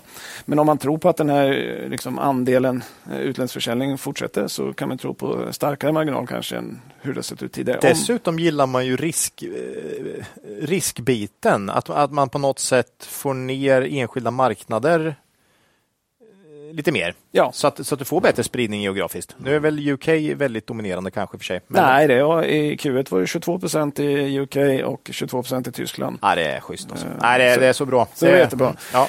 Eh, sen i förra podden, så, så, och, och, förresten också, man, eh, under Q1, alltså första halvåret, så har man nu 16,44 vinst per aktie. Mm. Bara på första halvåret. Eh, vi undrade i förra podden om när vi hade med kabel om Kama Fritid, där omsättningen sjönk 30 3 procent i Q1 var kanariefågeln i gruvan som förebodade en försämring på mm. svenska marknaden. Mm. Med tanke på att omsättningen i Sverige då föll 32 procent i Q2 kan man säga att Kama var ganska bra som kanariefågel. kanariefågel. Mm. Varningsflagga. Ja. Lite intressant då kan man notera att Kama i, eh, de har ju bara försäljning i Norden då, mm. så de fick ju inte en uppgången på Nej. de andra eh, utanför Norden. Då. Eh, men då kan man se att i Q2 då så föll det 19 procent sekventiellt mycket bättre än 33 procent i mm. Q1. Ja. Resultatet steg från 7 till 10 miljoner. Mm. Såklart bättre än Q1. Eh, Kabe säger då själva att försäljningen inom Kama då börjat stabiliseras. Mm. Eh, lagen hos återförsäljarna börjar komma tillbaka till mer normala nivåer. Mm. Såg en intervju med, med Kamas eh, Jonas, eh, VD eh, Jonas Tidqvist. han mm. sa att juni och juli var försäljningsmässigt på rekordnivå för Kama. Men, men alltså, det, Kama har ju alltid varit väldigt stabilt. För, ja. för även om du inte säljer nya husvagnar så har du ändå massa fordon på vägarna som behöver prylar. Ja. För det här är ju det, sak, tillbehör. tillbehör är det ju. Definitivt. Mm. Det som hände var ju de sa att det var stora lager. Har, ja. hört, har vi hört den förut? Ja, det har vi. I detaljhandeln har vi hört det jättemycket. Och, ja. och det var ju samma sak här. Ja. Alltså, men, men, det intressanta var ju då att man då var på rekordnivå eh, under sommaren här. Mm. Så får vi se om kameran en liten tidig indikator på bättre tider även i övrigt. Då. Ja känns ju inte riktigt så med, med, med räntor och så, men vi får se. Säljer de olika regnskyddsprodukter här eller kan det vara det som har? Kan vara det. Fan. Ja, jo det mm. faktiskt. Det lär man ha behövt ja. i sommar. Mm. Eh, titta till ägarbilden via Holdings då. Eh, här är ägare av kött och blod. Ägarlistan domineras av släktingar till Kabels grundare Kurt Blomqvist. Då. Eh, fondägarna ungefär 20 procent, men då står Nordea Small Cap för 13 procent, så de tror på det här. Mm. Eh, så hittar man även Spiltan Aktiefond Småland här. Mm. Och det är passande när man är från Tenhult i Småland. Då. Såklart mm. man ska. 3 av aktierna ägs även av Fidelity Low Priced Stock Fund. Det är ju intressant hur de har hittat dit. Alltså. Ja, det, hur de har hittat dit vet vi. De har ju kommit rätt. Har ja. de gjort. Ja. Men det är ett fantastiskt fint namn tycker jag. Ja. Low Priced Stock, ja, stock Fund. Aldrig talas om. Nej, inte heller. Men eh, de har kommit rätt tycker vi. då. Ja. Eh, tittar man på ägarförändringar sen över de senaste två åren så har det inte hänt så mycket. Nej. Och det är lite, lite, det finns ett litet problem här och det är likviditeten i aktien. Ja, det är ingen jättefree float i det här alltså. Nej, det är svårt för någon större att komma in och ur. Ja. Och det är väl anledningen till att det inte har hänt så mycket. Så att mm. säga. Mm. Eh, för likviditeten är dålig. Mm. Ja, som du var inne på Ola, som vi sa i förra podden, ökad geografisk diversifiering mm. ger ju lägre risk för liksom, olika beslut på olika marknader som bonus malus. Ja, fy fan. Det slog ju hårt, hårt när Sverige, ja, det, det tog ju hårt. Och, och, det var lite grann det här som gjorde att det inte blev den boosten heller, pandemin, för att man hade ju liksom ja. sabbat lite för, för husbilarna där. Så att mm. Ja. Eh, men, men att vara på, på flera marknader borde ge lägre riskpremie. Mm. Kanske lite högre värdering. Ja. Tycker vi. KABE har ju du en vinst per aktie på rullande 12 månader på 28,40. Mm. Trots kursuppgången så är det inte högre P än 9,5 ungefär. Mm. Räknat på aktiekurs 270 ungefär. Frågan är hur det blir framåt då. Kommer svagheten i Sverige slå igenom mer än styrkan på de internationella marknaderna? Mm, och kommer vi se typ 30 procent ner några kvartal nu i Sverige jämfört med året innan? Då? Ja, jag menar. Det, det kan det ju mycket väl Och hur mycket går upp på de internationella? Ja. Svårt att veta. Just nu laborerar vi med att det tar ut varandra ungefär. Mm. Och att vinsten framåt blir ungefär samma, P 10 ungefär. Mm. Men KABE har ju också en jättestor nettokassa. Ja. EV-EBIT eh, ungefär 16. Mm. Eh, det är inte högt. Nej. Vi, vi, har ju, vi köpte en, en bevakningspost innan rapporten. Mm. Så köpte vi lite mer efter rapporten. Men den här aktien är jäkligt tunn ja. och steg ganska fort snabbt upp. Ja. Eh, så att vi har en liten position, men eh, inte ja, mycket. Inte jättemycket. Men, men jag tycker man måste lyfta på hatten för, för prestationen ja. i det här kvartalet. Det här var mm. riktigt bra. Ja, det är eh, mm, riktigt bra alltså. Det är ju och som sagt de nya marknaderna. O oerhört imponerande. Och då undrar man lite grann hur de, hur de har åstadkommit det här då. Ja. Och som en liten teaser då så, så ska vi se om vi kan få lite mer information om det när vi har eh, förhoppningsvis i nästa avsnitt en intervju med VD Alf Ekström. Mm. Visst vore det riktigt kul? Mm och få intervjua Kabels ja, vd. De, de, de, är ju lite de har inte varit med mycket någonstans egentligen. Jag har inte sett någon sån eh, inspelad intervju. Mm. Det är livsfarligt att säga sånt här, då bara kommer folk bara ösa olika intervjuer över oss. Här. Nej men alltså det här, är det något läge man är intresserad av att höra, såg ni det här? Hur gör man en sån här transformation? Mm. Det här är ju ett bolag, om, om någon skulle fråga mig, kan du nämna ett bolag som kommer gå dåligt i en lågkonjunktur? Mm. Nim, säga, Nimbus hade jag sagt, du ja, hade sagt Kabe. Jag hade sagt Kabe direkt. Med de här jättehusbilarna. Ja, ja. Mm. Nej. Nej, de har ju check, de har bara husvagnar. Det är bara sälja dem till utlandet, Ola. Det är inget svårt. Eller ska, ja, det är snyggt. Köper alltså. in oss i ett mm. litet bolag i, Nej, i, man... i, UK och dubblar ja. omsättningen mm. bara. Det är inga konstigheter. Nej, det ska bli spännande. Vi hoppas vi får till det där, att det mm. blir till nästa avsnitt. Ja, det hoppas jag verkligen. Kul. Ja, det ser jag oerhört mycket fram emot. Eh, Kabe, impone Kabe imponerar i alla fall. Ja, ja, äger, jag tyckte det var en imponerande rapport. Ja, och vi har satsat i en liten peng. En liten peng har ja, vi. En väldigt liten peng. Mm. Eh, Neckar Ja. Och det var, det var inte igår va? Det är båtlyftsbolaget då, som inte riktigt lyfter enligt mig. eh, marknaden verkar dock ha hittat lite hopp i senaste rapporten här, eller rapporterna. Mm. Eh, var med i avsnitt 125 för ganska exakt ett år sedan senast. Så att... Det här var dina vertikala lyft? Nu. Det här är mina vertikala lyft ja. av väldigt tunga saker. Men vad OJ med i det här med vatten? För det, Nej, det var ju toa. De, ja, toa. de säljer ju en annan Bra. koppling där. Så Bra. Att... Vi, eh, det, var, det? det var ju en väldigt svår sån tycker jag. Ja, ja. Alltså, men vertikala ja, lyften var i alla fall näckar. Det är näckar. Ja, det är, det är, de, de har ju torr, lyft, lyfter båtarna istället för att ja, hålla på med dockor. Här, va? Det är som Klas gåtor. Vet du. Ja, ja, ja. ja, det är bra. Nej, men de var med för ett år sedan i alla fall. Eh, avsnitt 125, det är nästan prick ett år sedan. Mm. Eh, de hade släppt en ganska svag Q2-rapport. Eh, jag tror vi sa att vi tyckte det var lågt värderat, man måste få fart på omsättningen eh, om kursen ska kunna gå upp. Och Sen har det väl inte varit så superbra, även om Q1 var ett steg i rätt riktning. Men nu var det klart bättre. Eh, det var ju så när vi tog upp Clean Air i förra avsnittet, att då hade jag haft ett längre uppehåll med dem också, ett år. Eh, och, men de hade presenterat en jättestark Q2-rapport efter att ha haft dåliga rapporter under 2022. Mm. Det är lite samma sak med Neckar, ska vi säga. För den här Q2-rapporten var bra. Eh, man steg 21 procent också på rapporten. Oj! Så, ja. så börsen tyckte jag också var kul. Mm. Omsättningen 32 procent upp. 132 miljoner norska. Eh, det är affärsområdet Syncrolyft då, som är just den stora delen i Necka. Det är de som sysslar med, med båtliftarna. Då. Ehm, det står för ungefär 90 procent av omsättningen. Då. Mm. Ehm, här sa man att marknaden har normaliserats efter covid. Mm. Man sa att det har varit väldigt eh, avvaktande under 21 och 22. Man har ju, jag vet man pratar om att man kunde inte åka ut heller eh, så lätt. Det var ju reserestriktioner och så vidare. Och att det är stora projekt så att de liksom lades på is ganska mycket under under covid. Då. Det lovar ju ganska gott om man nu säger att det här har släppt. Mm. Och Det är nog en stor anledning till att kursen gick så pass starkt, tror jag. Man sa att serviceandelen fortsätter stiga. Det var 18 procent under 22. Man gav ingen ny siffra vad jag kunde se i rapporten för Q2. Då. Men det är ju, ju mer service man har, desto ja, jämnare utveckling borde man ju få. Mm. För det, de här stora kontrakten slår ju en hel del upp och ner. Mm. Så att mer, mer service är, är bra för, för jämnheten. så att säga. Mm. Positivt också, Intellilift och Techano, det är två andra delar. Då. De växte de med 136 procent till 26 miljoner NOK. Det är ungefär 10 procent av omsättningen, men det är, det är litet, men det steg i rätt riktning i alla fall, att de växer på. Dem, så att säga. Mm. Resultatmässigt då, operationell ebitda plus 11 procent. mm. Det är inte vårt favorit, favoritmått. Nej. vet ju alla som har lyssnat på den här podden. Ja. Ebitda gillar vi, men operationell är svårt. Nej. Ja, vi Två inte, ja. dåliga på en. Och, och, det är svårt, för att ebit i Neckar, eh, ja, jag ska inte säga förstörs, men, men det påverkas extremt kraftigt av sådana valutahedgar som de har på sina stora projekt. Då. Mm. Och de här, det går inte att gissa. Alltså, tittar vi ebit så var det 758 procent plus i kvartalet. men, det är jobbigt. Men det var för att det gick plus på de här hedgarna det här kvartalet mm. och förra året så gick man massa minus. Och det är lite jobbigt för det går ju liksom inte att gissa resultatet på nedersta raden. Nej, det, vi, har alltid lite, tycker, vi tycker alltid det är lite jobbigt när man ja. liksom inte mm. på, ens på när kan, kan hitta. Ja, och då var det ändå liksom, det var bara 11 procent på operationell ebitda när man rensar bort de här ja. Så det var inte så stor Nej. skillnad. Så att säga. Ja, li, lite jobbigt tycker vi för oss. Mm. Eh, ett problem för sentimentet har ju varit den här orderboken också. Man, man toppar ju i Q2, eller Q3 2020 och sen har den i princip gått neråt då, för man har betat av orderboken och inte fått något nytt stort. Då. Mm. Eh, ser lite bättre ut i Q2.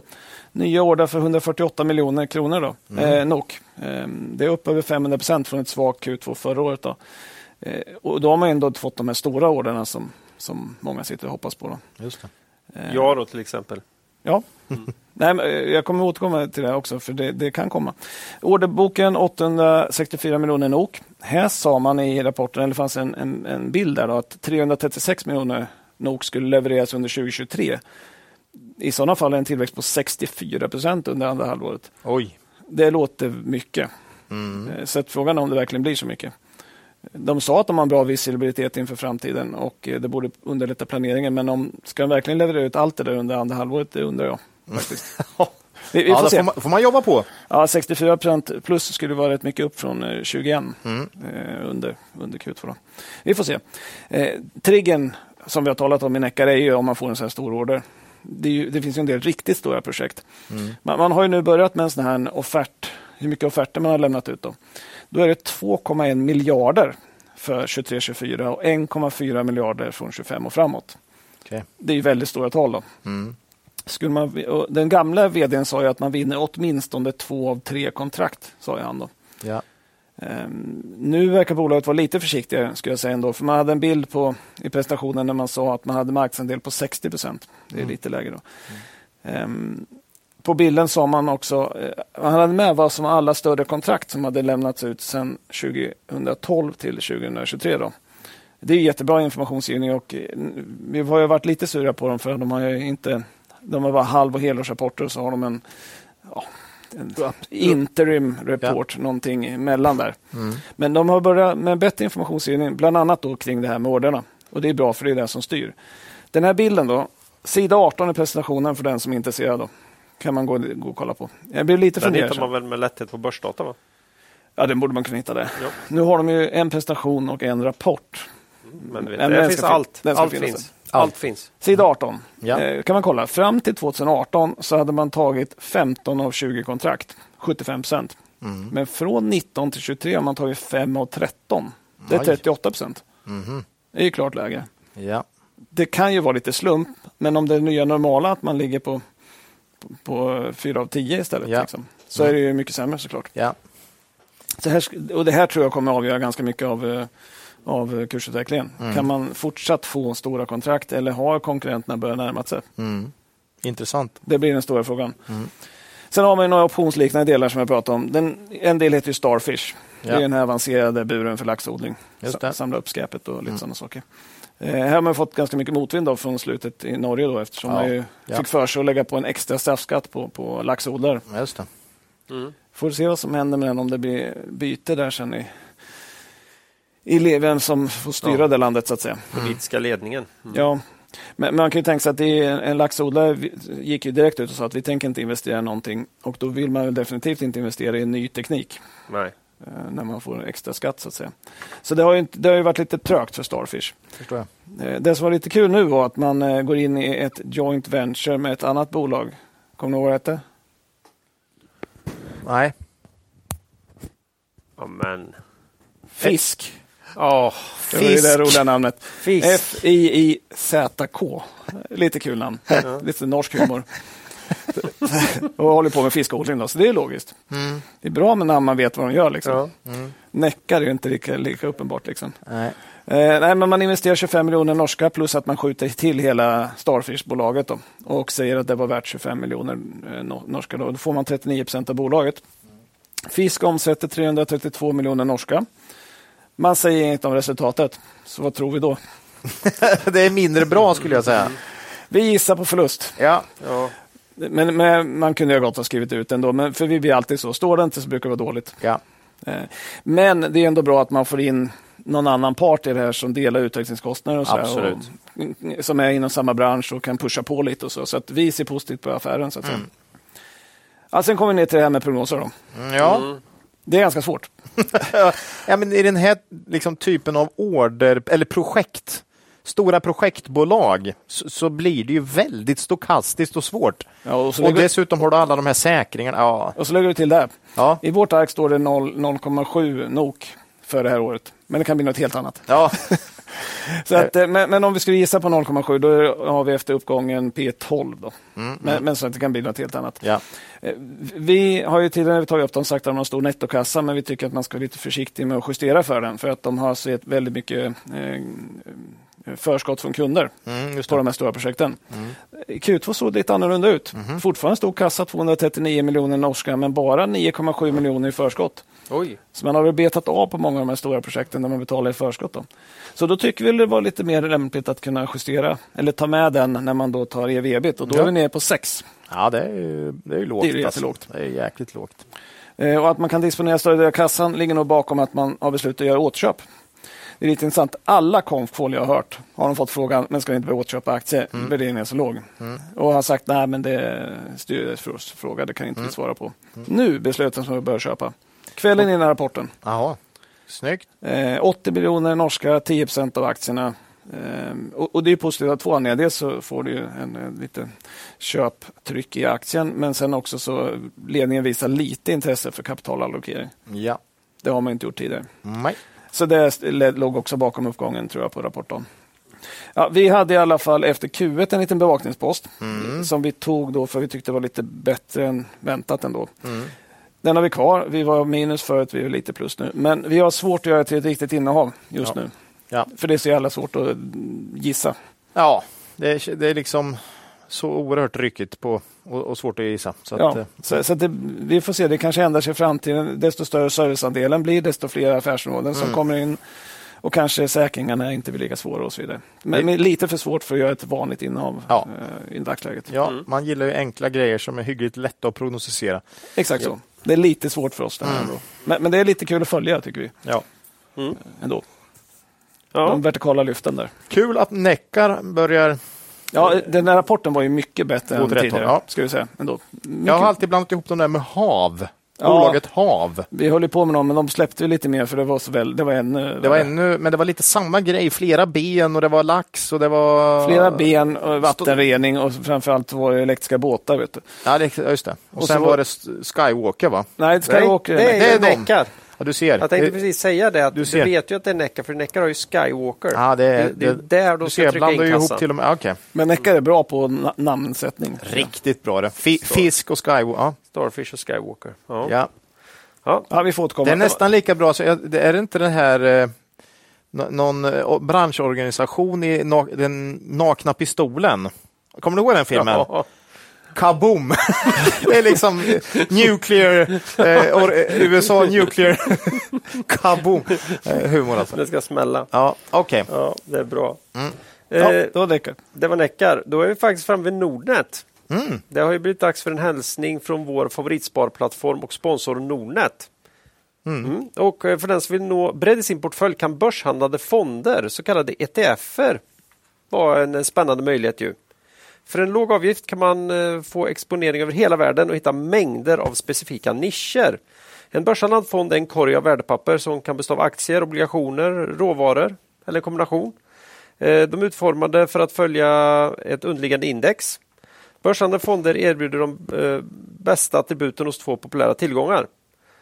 De har diversifieringsfördelarna som vanliga fonder Samtidigt som man får enkelheten i hur aktier handlas då. Mm. På noterad, eh, som är noterad på börsen.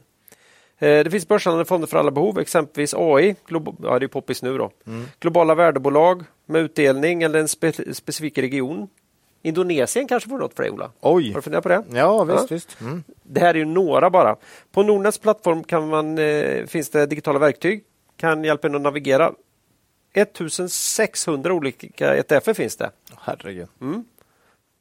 Det är inte dåligt. Macke, du brukar ju vara Du har väl kört lite ja. på. Nej, men jag har ju sagt det tidigare i mitt pensionssparande då, eh, som också har några stycken aktier då, som man har fått påpekat till sig. Nej, men det har jag ett antal ETFer eh, med så här branschtema. Ja, Det är ganska smidigt att ta ett tema man tror på och så kan man köpa en ETF och den investerar i de största bolagen inom den nischen. Ja, istället för att köpa ett enskilt aktie, bolag som håller på med det. Ja, och så då vet slipper man du inte om det... Exakt, Ja. du slipper bolagsrisken. Ja. Att det, just det bolaget gick dåligt, Ja, då får ja. man ju alla bolagen, de största inom det temat. Så att Mm. säga. Eh, och, tidigare fanns det ett stort utbud på amerikanska börsen, men, men de går inte att handla längre. Men nu har det kommit eh, ETF på tyska börsen som speglar de amerikanska. Då. Mhm. Så nu kommer man åt de här igen. Mm. Eh, och jag har bland annat en som är inriktad mot uran. Det Mm. är ganska bra om man tror på kärnkraft, som jag tycker vore bra. Ja. Mer. Och då har den liksom de största bolagen inom där. Då. Eh, har en som håller på med solenergi. Mm. Det är också en eh, bransch som man kan tänka sig borde kunna ha ganska bra förutsättningar. Mm. Köper de största bolagen där. Så har jag en som håller på med litium och batterier. Mm. För den som tror att elbilar kommer bli ganska stora i framtiden så kommer man behöva ganska mycket sånt. Mm. Och, och liksom den här typen av sektors-ETF ger en smidig exponering mot teman eh, ja, utan eh, bolagsrisken och så kan man liksom egentligen bara låta dem ligga där Ja. Och vänta på att det spelar ut då, eh, på lite längre sikt. Då, så att säga.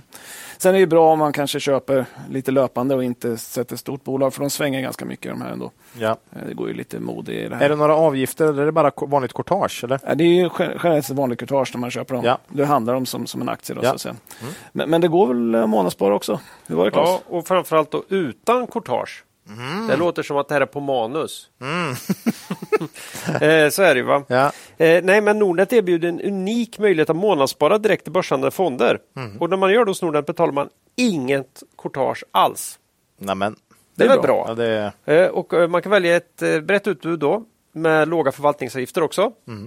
Och eh, av cirka de här, av de här 1600 ETFerna så är omkring f- 150 av dem tillgängliga för månadsspar.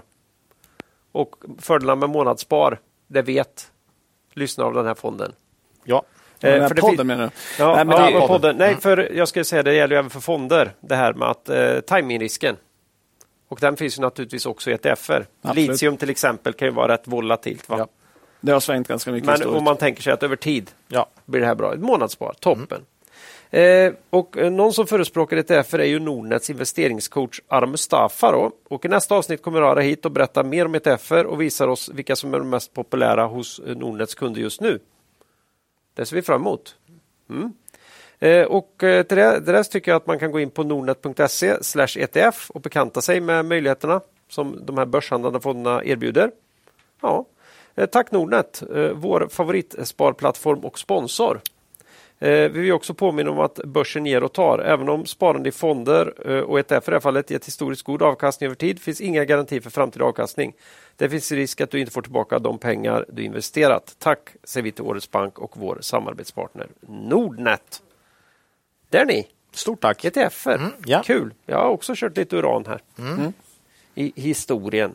Eh, Ola, nykomlingen då? Äntligen säger folk här. Mm, ja. Revolution Race. Det här är ju en nykomling som säljer friluftskläder och trädgårdskläder online. Det är en ganska stor del.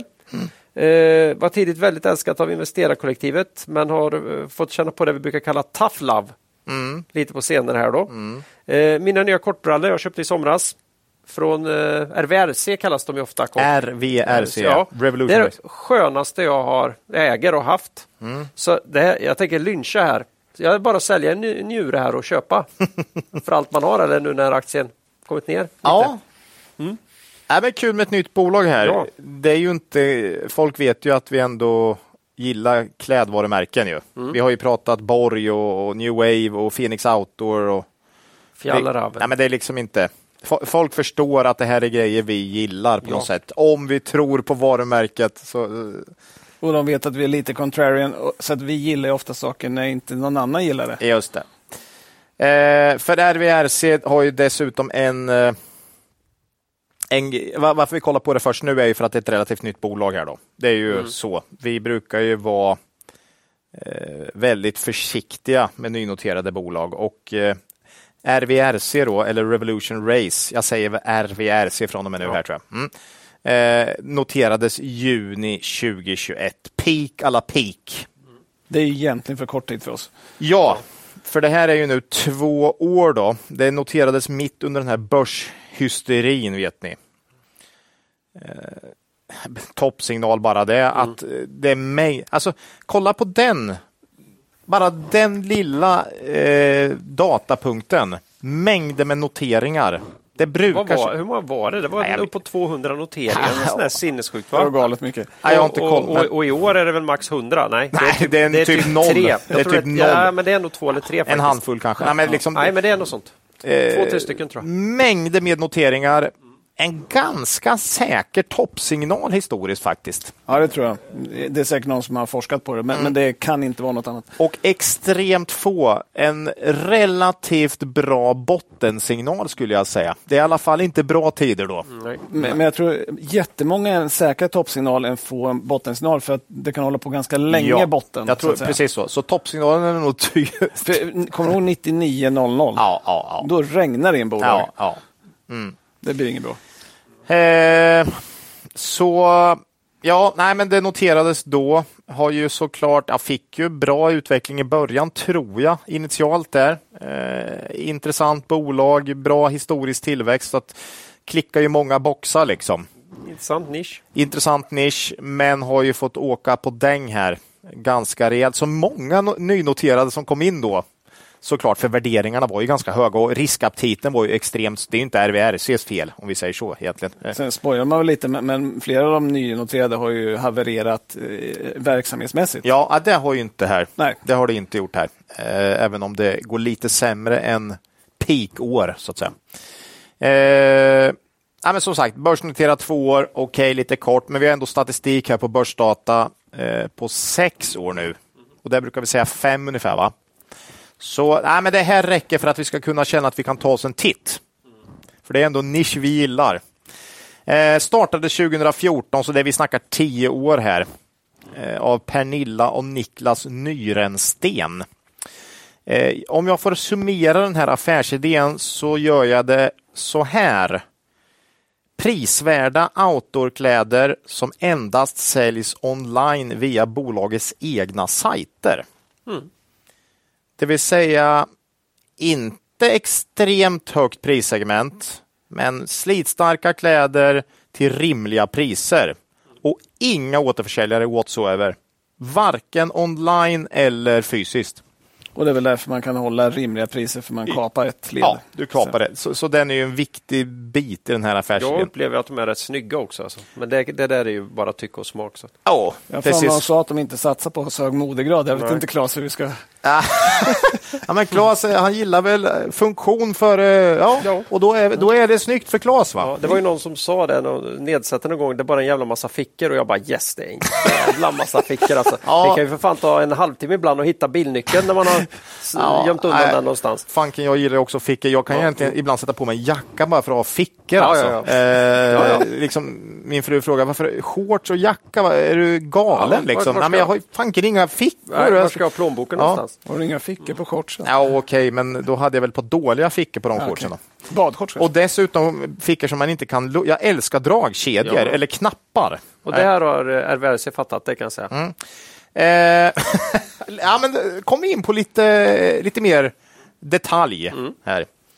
Eh, affärsidén verkar så här långt ha varit en succé. Omsättningen har ökat extremt snabbt under de här första tio åren. Vid noteringen 2021 var ju omsättningen redan uppe på cirka en miljard. och Det här är alltså från noll då på 2014.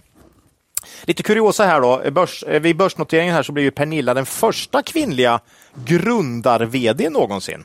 Det är snyggt. Och det här är lite intressant. Vi har fått lite, vi fick ju lite info angående det här med nynoteringar och att det är skillnad faktiskt på hur bra det går när det är grundare som noterar eller om det är PE, Risk, ja. riskkapitalbolag. Mm. eh, faktiskt eh, brukar nog vara bättre när det är grundare som, som kör än när det är private equity-firmor och så vidare. Mm. Eh, omsättningen nu då. Eh, 2021 var det ju nästan en miljard. Nu är den uppe på en och en halv miljard. 2023 här nu då. Eh, och den årliga snitttillväxten har de senaste fem åren varit ruggiga 60 procent per år. Mm. Här ska man då komma ihåg att det här är betydligt lättare att eh, växa när man är liten. Det brukar vi alltid säga. Så att det här blir ju svårare och svårare. Senaste året omsättningen ökat med 17 procent. Så klart lägre.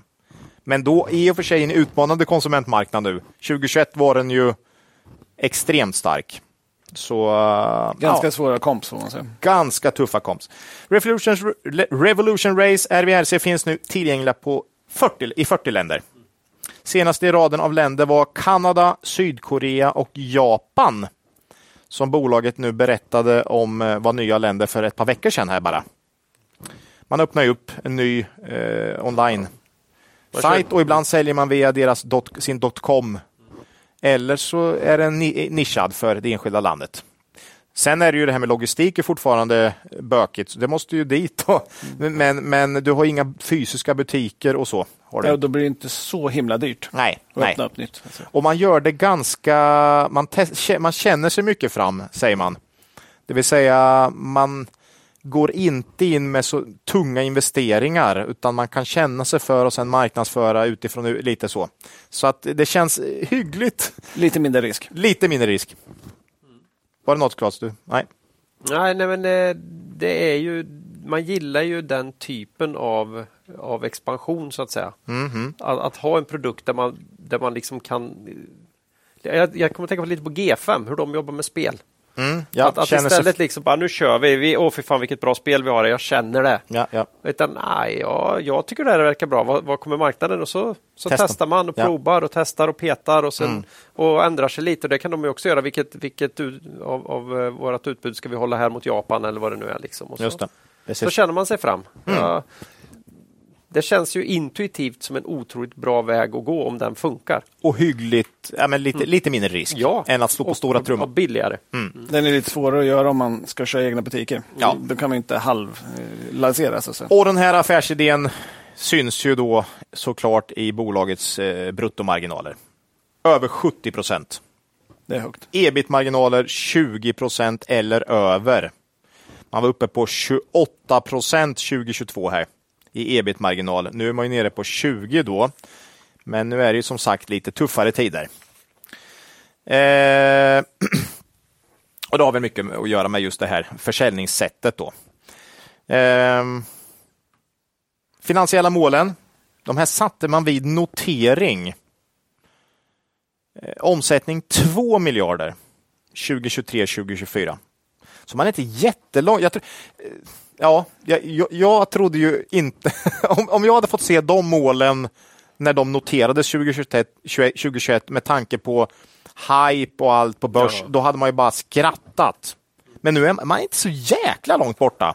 Även om jag tror, om jag ska vara ärlig, du ska ju ha 30 procent tillväxt nu kommande fyra kvartal. Det är bara fyra kvartal kvar mm. här nämligen. Låter lite tufft ändå. Det, det tror jag. I den här marknaden går det nog inte. Jag, jag tror inte man får till 30 procent, men det är inte våldsamt långt bort. Ja, men lyckas man med 15, ja, 20, ja, men då är man ju inte jätte... fruktansvärt nära. Ja, då är man ju, det är fanken bra jobbat. Mm. Eh, sen säger man ut, upprätthålla årlig ebit-marginal på minst 25 procent. Där misslyckades man ju faktiskt senaste fyra kvartalen. Eh, dock, det, ni vet det här med dollar och det är en hel del kostar det ju ändå för dem att växa och det absorberas i en extremt snabb tillväxt. Men tillväxten bromsar in så blir det säkert lite svårare att hålla uppe marginal. Ja, men dollarn är ju jobbig för ja. alla bolag som köper in mycket från. Mm. Vi fick reda på att vår lunchrestaurang här funderar på att ta bort buffén till exempel. Och det hävdar de var på grund av dollarn. Det är en katastrof. Det är, mm. ja. det är, nästan... de, det är de jobbigaste företagsnyheterna på länge. det, det, det, är nästan som vi inte kunde gå in och spela in sen. Nej, nej, nej men dollarn är ett gissel för många så är det. Eh, utdelning 40 60 procent av resultatet. Eh, jag tror inte man når 2 miljarder kommande fyra kvartal, men man kanske når 15 procent tillväxt mm. kommande kvartal. Eh, kollar man på Factset så ligger de ungefär där. Jag vet inte hur många som ligger bakom den siffran dock. Hur många analytiker, jag har inte koll på det. Men jag kollar på Factset och då låg de på 1,8 miljarder i prognos för kommande fyra kvartal. Mm. Och det är ungefär 15 procent upp. Då. Mm. Eh, så då ska man komma till 1,8 istället för 2,0. De tror på ebit på 380 miljoner. Vinst per aktie 2,6. Det skulle ge P 14, 14,5. Så från att ha varit en sån riktig riktigt eh, högt värderad, vilket jag förstår med den här tillväxten och lönsamhet. Och, Värderingen var ju väldigt hög i början. Ja. Eh, 14,5, ja, det är inte dyrt alltså. Bolaget nettokassa 139 miljoner enligt börsdata. EV-ebit 10,5, 11. Det är inte, det är inte vansinnigt för ett sånt här bolag ändå. Eh, men för att berömma att P går det inte att kolla på historisk tillväxt och 60, det kan man ju inte hålla. Det, det, jag tror inte 60, 15-20 procent tillväxt framåt. Det kanske är mer rimligt att gissa under ett antal år här. Eh, och då kan du ju ha ett högre P än 15 lätt alltså. Eh, så är det ju. Vi brukar säga att tillväxt på 10 procent, ungefär P 15. Här bör kunna närma sig 20 P om de kan hålla den här. Nu är det ändå 17 procent i tillväxt i tuffa tider.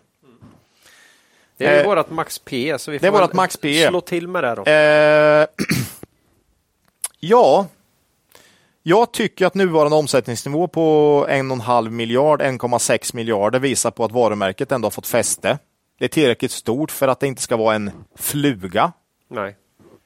Vi gillar väl det här med att de sa att de inte satsar på modegrad. Det gör det lite mindre känsligt ja. för att man hamnar fel i någon kollektion. Så Absolut. Jag eh, kanske nämnde det också. Här. Jag ser ju allt, allt fler yrkesmänniskor, alltså framförallt då kanske egen, egenföretagare mm. som, som kör de här kläderna även när de jobbar och det borgar mm. väl lite grann för kvalitet. Här, då, ja, precis. Då borde det vara hygglig kvalitet faktiskt. Och många fickor. Mm. Så, så jag är kört från ligor nu inser jag nu. Här. Mm, Nej. Ja, vi får se. Då har vi alla i branschen. Då, vi, aj, aj, aj. Det, det, är lite ja, som att spela ja, på alla på Lotto. Det brukar ja, inte Vi, vi hedgar oss. Det kommer jag ihåg min, min son, han var nog fyra, fem år. Han, första gången han klippte den. Men varför spelar du inte på alla, alla för då? Alla siffror. Oh, du. ja. Det är hårt. Ja, eh, nej, men eh, vi tycker nog ändå att det finns en margin of safety här, med, även fast P, ja, nej, vi tycker det här är ett bra bolag, ska värderas ganska högt. P 14, 15 är, det är faktiskt för lågt om man, om man tror på 15 till 20 procent tillväxt i snitt kommande år här. Mm. Eh, även om Auto nu har det väldigt tufft såklart, eh, konsumenter är i brygga, så tror vi det är en långsiktig trend. Just nu är det, in, det är out. Men vi tror på outdoor-trend. Out outdoor. Ja. In med outdoor igen. In med outdoor kommer någon gång igen, men vi vet inte när.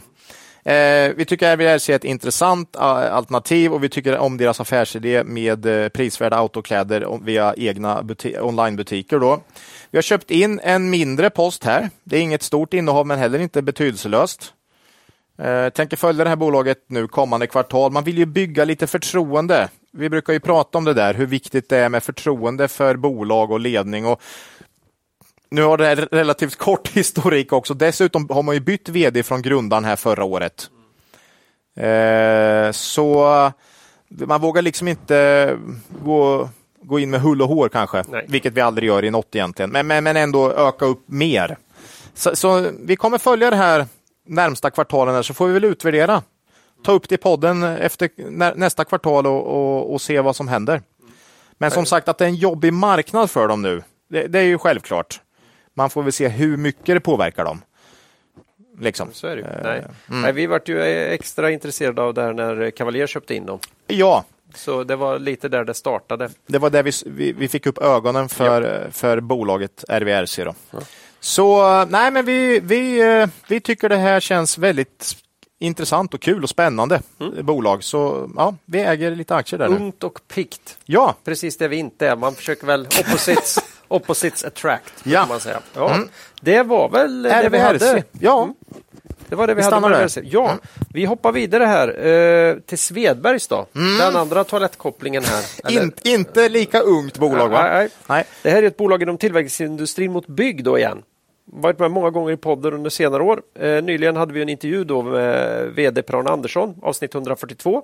Mm. Och i avsnittet innan det, 141, tittar vi ju själva närmare på bolaget då senast. Eh, vi pratade om det luriga läget, jag tror Ola va? mm. eh, som är på marknaden för Svedbergs. Och, eh, ja, det var, att det var uppenbart att bolaget kommer tappa både omsättning och vinst för 2023. Och, och det brukar vi tycka är jobbigt. Mm. Eh, vi vill ju gärna tro på det direkt motsatta när vi investerar. Men då, då kan man knappt äga några aktier nu för det. Hur många gånger har vi sagt det här? Ja. Mot det här står ju en väldigt låg värdering. Mm.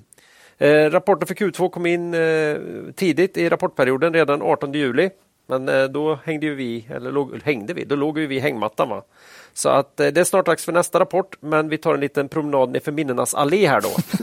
ja. och tittar till den här Q2-rapporten. Eh, ja. Och den visar ju att Svedbergs så långt i alla fall hade hållit emot nedgången inom bygg bra. Otroligt. Mm. Mm. Omsättningen var ner 3% mot förra året. 8 organiskt då. Eh, och det är ju för att man, eh, ja, man, man, det är ju kronor här men man har sålt saker i pund bland annat som vi kommer till här. Just det. Eh, lönsamheten eh, sjönk lite. Marginalen kom in på 12 och det är för att vi återförde lite engångskostnader här. Så man, man skulle hitta något mindre om man man går in på börsdata till exempel. Det, är inte, det här är ju inte alls dåligt. Vi är lite rädda OJ. Du, du ja. pratar om OJ. Om det inte blir mer än så här. Det här då... är lite kul för de här har två komponenter vi har pratat om innan idag. Vi har OJ. Ja. Det ska inte bli värre än så här. Nej. Vi har också nästa grej då och det är ju KABE. Vi pratar om förvärv i UK. Mm. Det har ju också Svedberg gjort. Då. Bolaget räddas ju här av förvärvet av Roper Roads. UK räddar ju många ja. bolag här. Det har utvecklats väldigt väl. Mm. Man har alltså till och med lyckats öka försäljningen med 5% i andra kvartalet.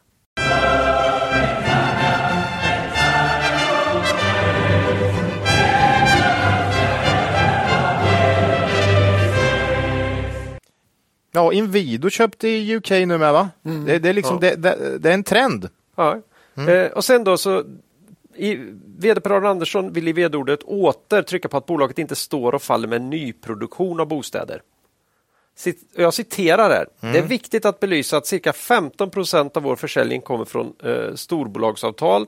Resterande cirka 85 procent mindre renoveringar och byggnationer. Vi kan fortsatt konstatera att efterfrågan på renoveringar, underhåll och förbättringar av badrum är drivkraften till vår försäljning i kvartalet. Mm. Slutcitat. Mm. Så det är ju inte liksom... Jag kan fortfarande dock inte få bort klumpen i, i magen riktigt. Nej, fast, men, det är klart men, att även renoveringar påverkas. Ja, det är klart det gör. Det är klart ja. det gör. Men, men, men, värderingen som sagt. Men, men du kommer väl till det? Ja. Mm. Eh, Bolaget ser en eh, fortsatt utmanande marknad och tuffa kvartal framåt. Mm. Och eh, man försöker parera det här med fokus på kostnadskontroll, effektivis effektiviseringar i produktionen. Man ut, bygger ut då i Dalstorp. Och säljfokus. Mm. Det tycker jag är trevligt. Ja. Att säga att nu får säljkåren banne mig göra mm. själv för lönen här. Mm. Det tycker jag är bra. Här har du också en eh, koppling till Inwido va? Satsar ju hårt på, på elitfönster vet jag. Alltså sin produktions Ja. Så det är lite samma, man, man, man satsar sig ur, ur lågkonjunktur. Mm. Ja. Och, och, här, har, här var han ju lite otydlig, eller otydlig, han var inte alls otydlig. Han ville inte säga något han inte kunde stå för i intervjun. Men, men eh, det skulle väl kunna vara möjligt att man börjar producera en del i Dalstorp åt, åt både Roper Rhodes och Cassö och de här. Ja. Eh, eller så blir det inte så. Det vet vi inte. Han, han, men han såg att det fanns goda möjligheter att mm. få nytta av den nya produktionen. Det finns en potential i alla fall att Roper Roads kan lägga där. De, de ville väl av internpolitiska skäl inte vara för tydliga tror jag. Nej. Den typen. Men, men det finns ju en stor potential där. Tror jag. Ja, och inte göra den typen av internaffärer för sakens skull utan det ska vara för att det är rätt att göra det. det. Eh, fortsatt tufft 2023 för Svedbergs. Eh, kommer bli forts eller visar fortsatt tapp både i omsättning och marginaler. Mm. Kommande kvartal är ju riktigt tuffa ja, va? jämförelsemässigt ja. också. Så, ja. det ser ju stentufft ut. Eh, vi har ju tagit på oss både hängslen och livrem när vi visar framtiden för Svedbergs och landar nu i vinst per aktie runt 3,70 för 2023. Mm. Och ytterligare kanske 10 öre till 2024, så det här är ju inga, det är inte klackarna i taket här. Men, mm. då, då handlas ju Svedbergs alltså för närvarande runt P 8,5-9 någonstans. Mm. mm. Och det tycker vi är på tok för billigt för ett kvalitetsbolag med en, en skaplig balansräkning i alla fall. Ja, och eh, lite som OJ, precis. Blir det inte värre än så, nej men då det kan ju säga att det blir tre kronor. Mm. Nej, men det är fortfarande inte dyrt om det då är liksom den lågkonjunkturvinsten då det ska vända på något sätt. Det är det som gör oss rädda. Vi är så det, det finns ju en rejäl, alltså det, det, vi, vi, har mycket ja, men felmarginal här. Säg att vi ligger alldeles för högt. Det är fortfarande så att om det är en lågkonjunktur på eh, vinst på tre och aktien står i 32 kronor. Liksom, Det är ju det är inte dyrt. nej, Och, och, och vi är ju inte den minsta, det ska man ty- vi är ju inte den minsta rädda för att bolaget här så att säga. Nej. I det här läget, inte alls. Nej. Däremot är man ju rädd för hur, hur mycket kan marknaden komma att hata bolaget om de tappar mer i vinst. Då? och då vill jag nog ändå påstå nästan hur mycket som helst tyvärr. Mm, för för börsen kan alltid hata Ja, bolag. Ja, men det är ju det som håller emot. Mm. Det är ju det som gör att det Ja. känns jobbigt. då. Ja. Eh, vad var jag inne på här då? Ja, men vi tycker det är lågt. Alltså det här förvärvet av Roper Rhodes i UK, det har ju spelat ut otroligt fint så här långt. Ja. Och, även, och även det här eh, förvärvet i Kassö i Danmark som kom 2021 kanske. Eh, också, går också jättefint, Ja. betydligt mindre. Eh, Analysguiden gör uppdragsanalyser på Svedbergs. De förväntar sig en vinst per aktie på 4,10 i år. Ligger över oss i alla fall. Och nästan 4,60 till nästa år. Herregud. Skulle den prognosen för 2024 slå in handlas bolaget nu under P8. Där, då vill jag köpa för så mycket jag har. Ja. Jag, vill, jag vill ha lösgodis för... Ja, ja. ja, men det är ju så. Eh, vi tycker att det här bolaget förtjänar ett P på minst 13 i alla fall. Ja, det kan jag nog tycka över tid. Eh, Ja, över tid här. Eh, och eh, ja, det här är ju, man kan ju konstatera att det här är en lågkonjunktursvinst Mm, ja. som man presterar nu. Marknaden är stentuff. Och det är inte svårt att tänka sig klart högre vinster här vid en starkare underliggande marknad. Nej. Men det kan bli sämre i närtid. 2024 kan ju bli jävligt tufft alltså. Ja. Det är ju inte lätt att gissa just Nej. de här grejerna. Alltså, Nej, nej, nej. Det är, Skitsvårt. Man har ju sett hur det ser ut. Hur mycket sämre kan det bli? Ja, det är ingen som vet Nej. egentligen. Men jag, jag, jag tror nog att, att till exempel ett bolag som Svedbergs kan ha ja, absolut sex tuffa kvartal till framför sig. Alltså då, Lätt. det, det, ja, det kan mycket väl bli tre kronor i vinst per aktie också. Ja. Det är inte alls Nej, orimligt. vi- Men, men, men även det tycker jag, är det det som är det värsta, då, då ser jag inte några problem. Det är en fråga om tidsperspektiv här. Ja, Om man råkar vänta finns Bra, det go- Claes. goda grunder att anta att kursen på sikt kommer att stå klart högre än idag. Mm. tidsperspektiv. Det är lite av nyckeln just nu, faktiskt. Kanske alltid, jag vet inte. Ja, men Ja. kanske lite mer när man är inne i en konjunkturell svår period. Ja, Nej, men så är Så. det. Mm. Ja. Eh, vi, har ju funder- vi har ju varit fundersamma kring storägaren Stenas agerande i aktien efter deras budpliktsbud på 50 kronor i mars förra året. Eh, och eh, det har ju slutat med, idag kontrollerar de strax över 40 procent av bolaget för de fick in ytterligare 10 procent av aktierna i det här, i det här budet. Och trots att det stått dem fritt att köpa mer aktier i över ett år då kursen stadigt legat under 50 kronor. Nu 31,50 här Ja, ser jag jag har varit idag. nere på 22 någonstans också här. Eh, ju Holdings att de inte köpt en enda aktie. Jag har inte riktigt Sen- koll på. Har egen balansräkning dock. Nej, de har massa de, pengar. de har ju det, gott om pengar. Det fanns ju, det finns ju, man skulle kunna göra omdispositioner här. de, de skulle kunna köpa ut det utan någon som helst problem. Aktien handlas alltså idag De kanske har andra case de också vill. Jag vet inte. Det är bara konstigt tycker jag. Det är konstigt är det ju att man köper på 50 men inte vill köpa på 30. Ja. under 40 procent under budkursen fortfarande. Ja. Eh, och har ju varit billigare så. Eh, Man kan väl säga att huvudägaren verkar inte tro speciellt mycket på Svedbergs i dagsläget i alla fall. Ja, eller så väljer de att allokera Ja. sina, sitt kapital på ett annat sätt av någon ja, anledning. Men, men, det bör man ha med sig här ja. tycker jag ändå. Det, de har ändå ärlig. 40 procent så går den upp så tjänar de ju på de 40 Ja, procent. det är ju sant. Ja, Men- men det är fortfarande konstigt. Ja, jag håller med. Vi, vi, har- det, vi har ju sagt det förut, vi förstår inte riktigt hur de, Lite om hur de man resonerar. vill man ha in hela bolaget på 50 så borde man vilja ha in hela bolaget på 30. Man Ja. borde vara överlycklig på 22-25. Jag, skulle, jag tror man skulle få loss hela bolaget om man la bud, bud nu på 42.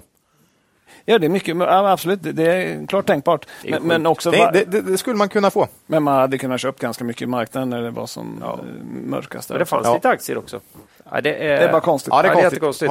Eh, det kan bli skakigt en bra stund till det här. Mm. Men vi tänker nog försöka rida ut det här. Än så länge känner vi så. Ja. Så vi har kvar våra aktier här. Ja, det har vi.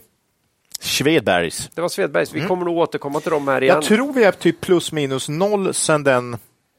Nej, jag vet inte. Vi, var, vi höll på jävligt mycket där Ja, vi hade innan. runt den en del ganska mm, Men, bra. eh, men Men just det, senaste eh, köpen är nog på den här nivån ungefär, va? Eller runt 30 i alla fall. ja, vi köpte efter den rapporten. Ja. ja. Något sånt. Så är det. Mm. Ja, då är det dags för sista bolaget för dagen då, nämligen Transtema. Oj. Det är ett business-to-business-bolag inom nätverk för telekom. De är inne i en omstruktureringsfas, säger de. Eh, har P under 4 på börsdata. Så jag tänker att jag ska sälja även min andra njure och skjuta in pengarna här eller? P4. Vad var, var, var nykomling avsnitt 145 här?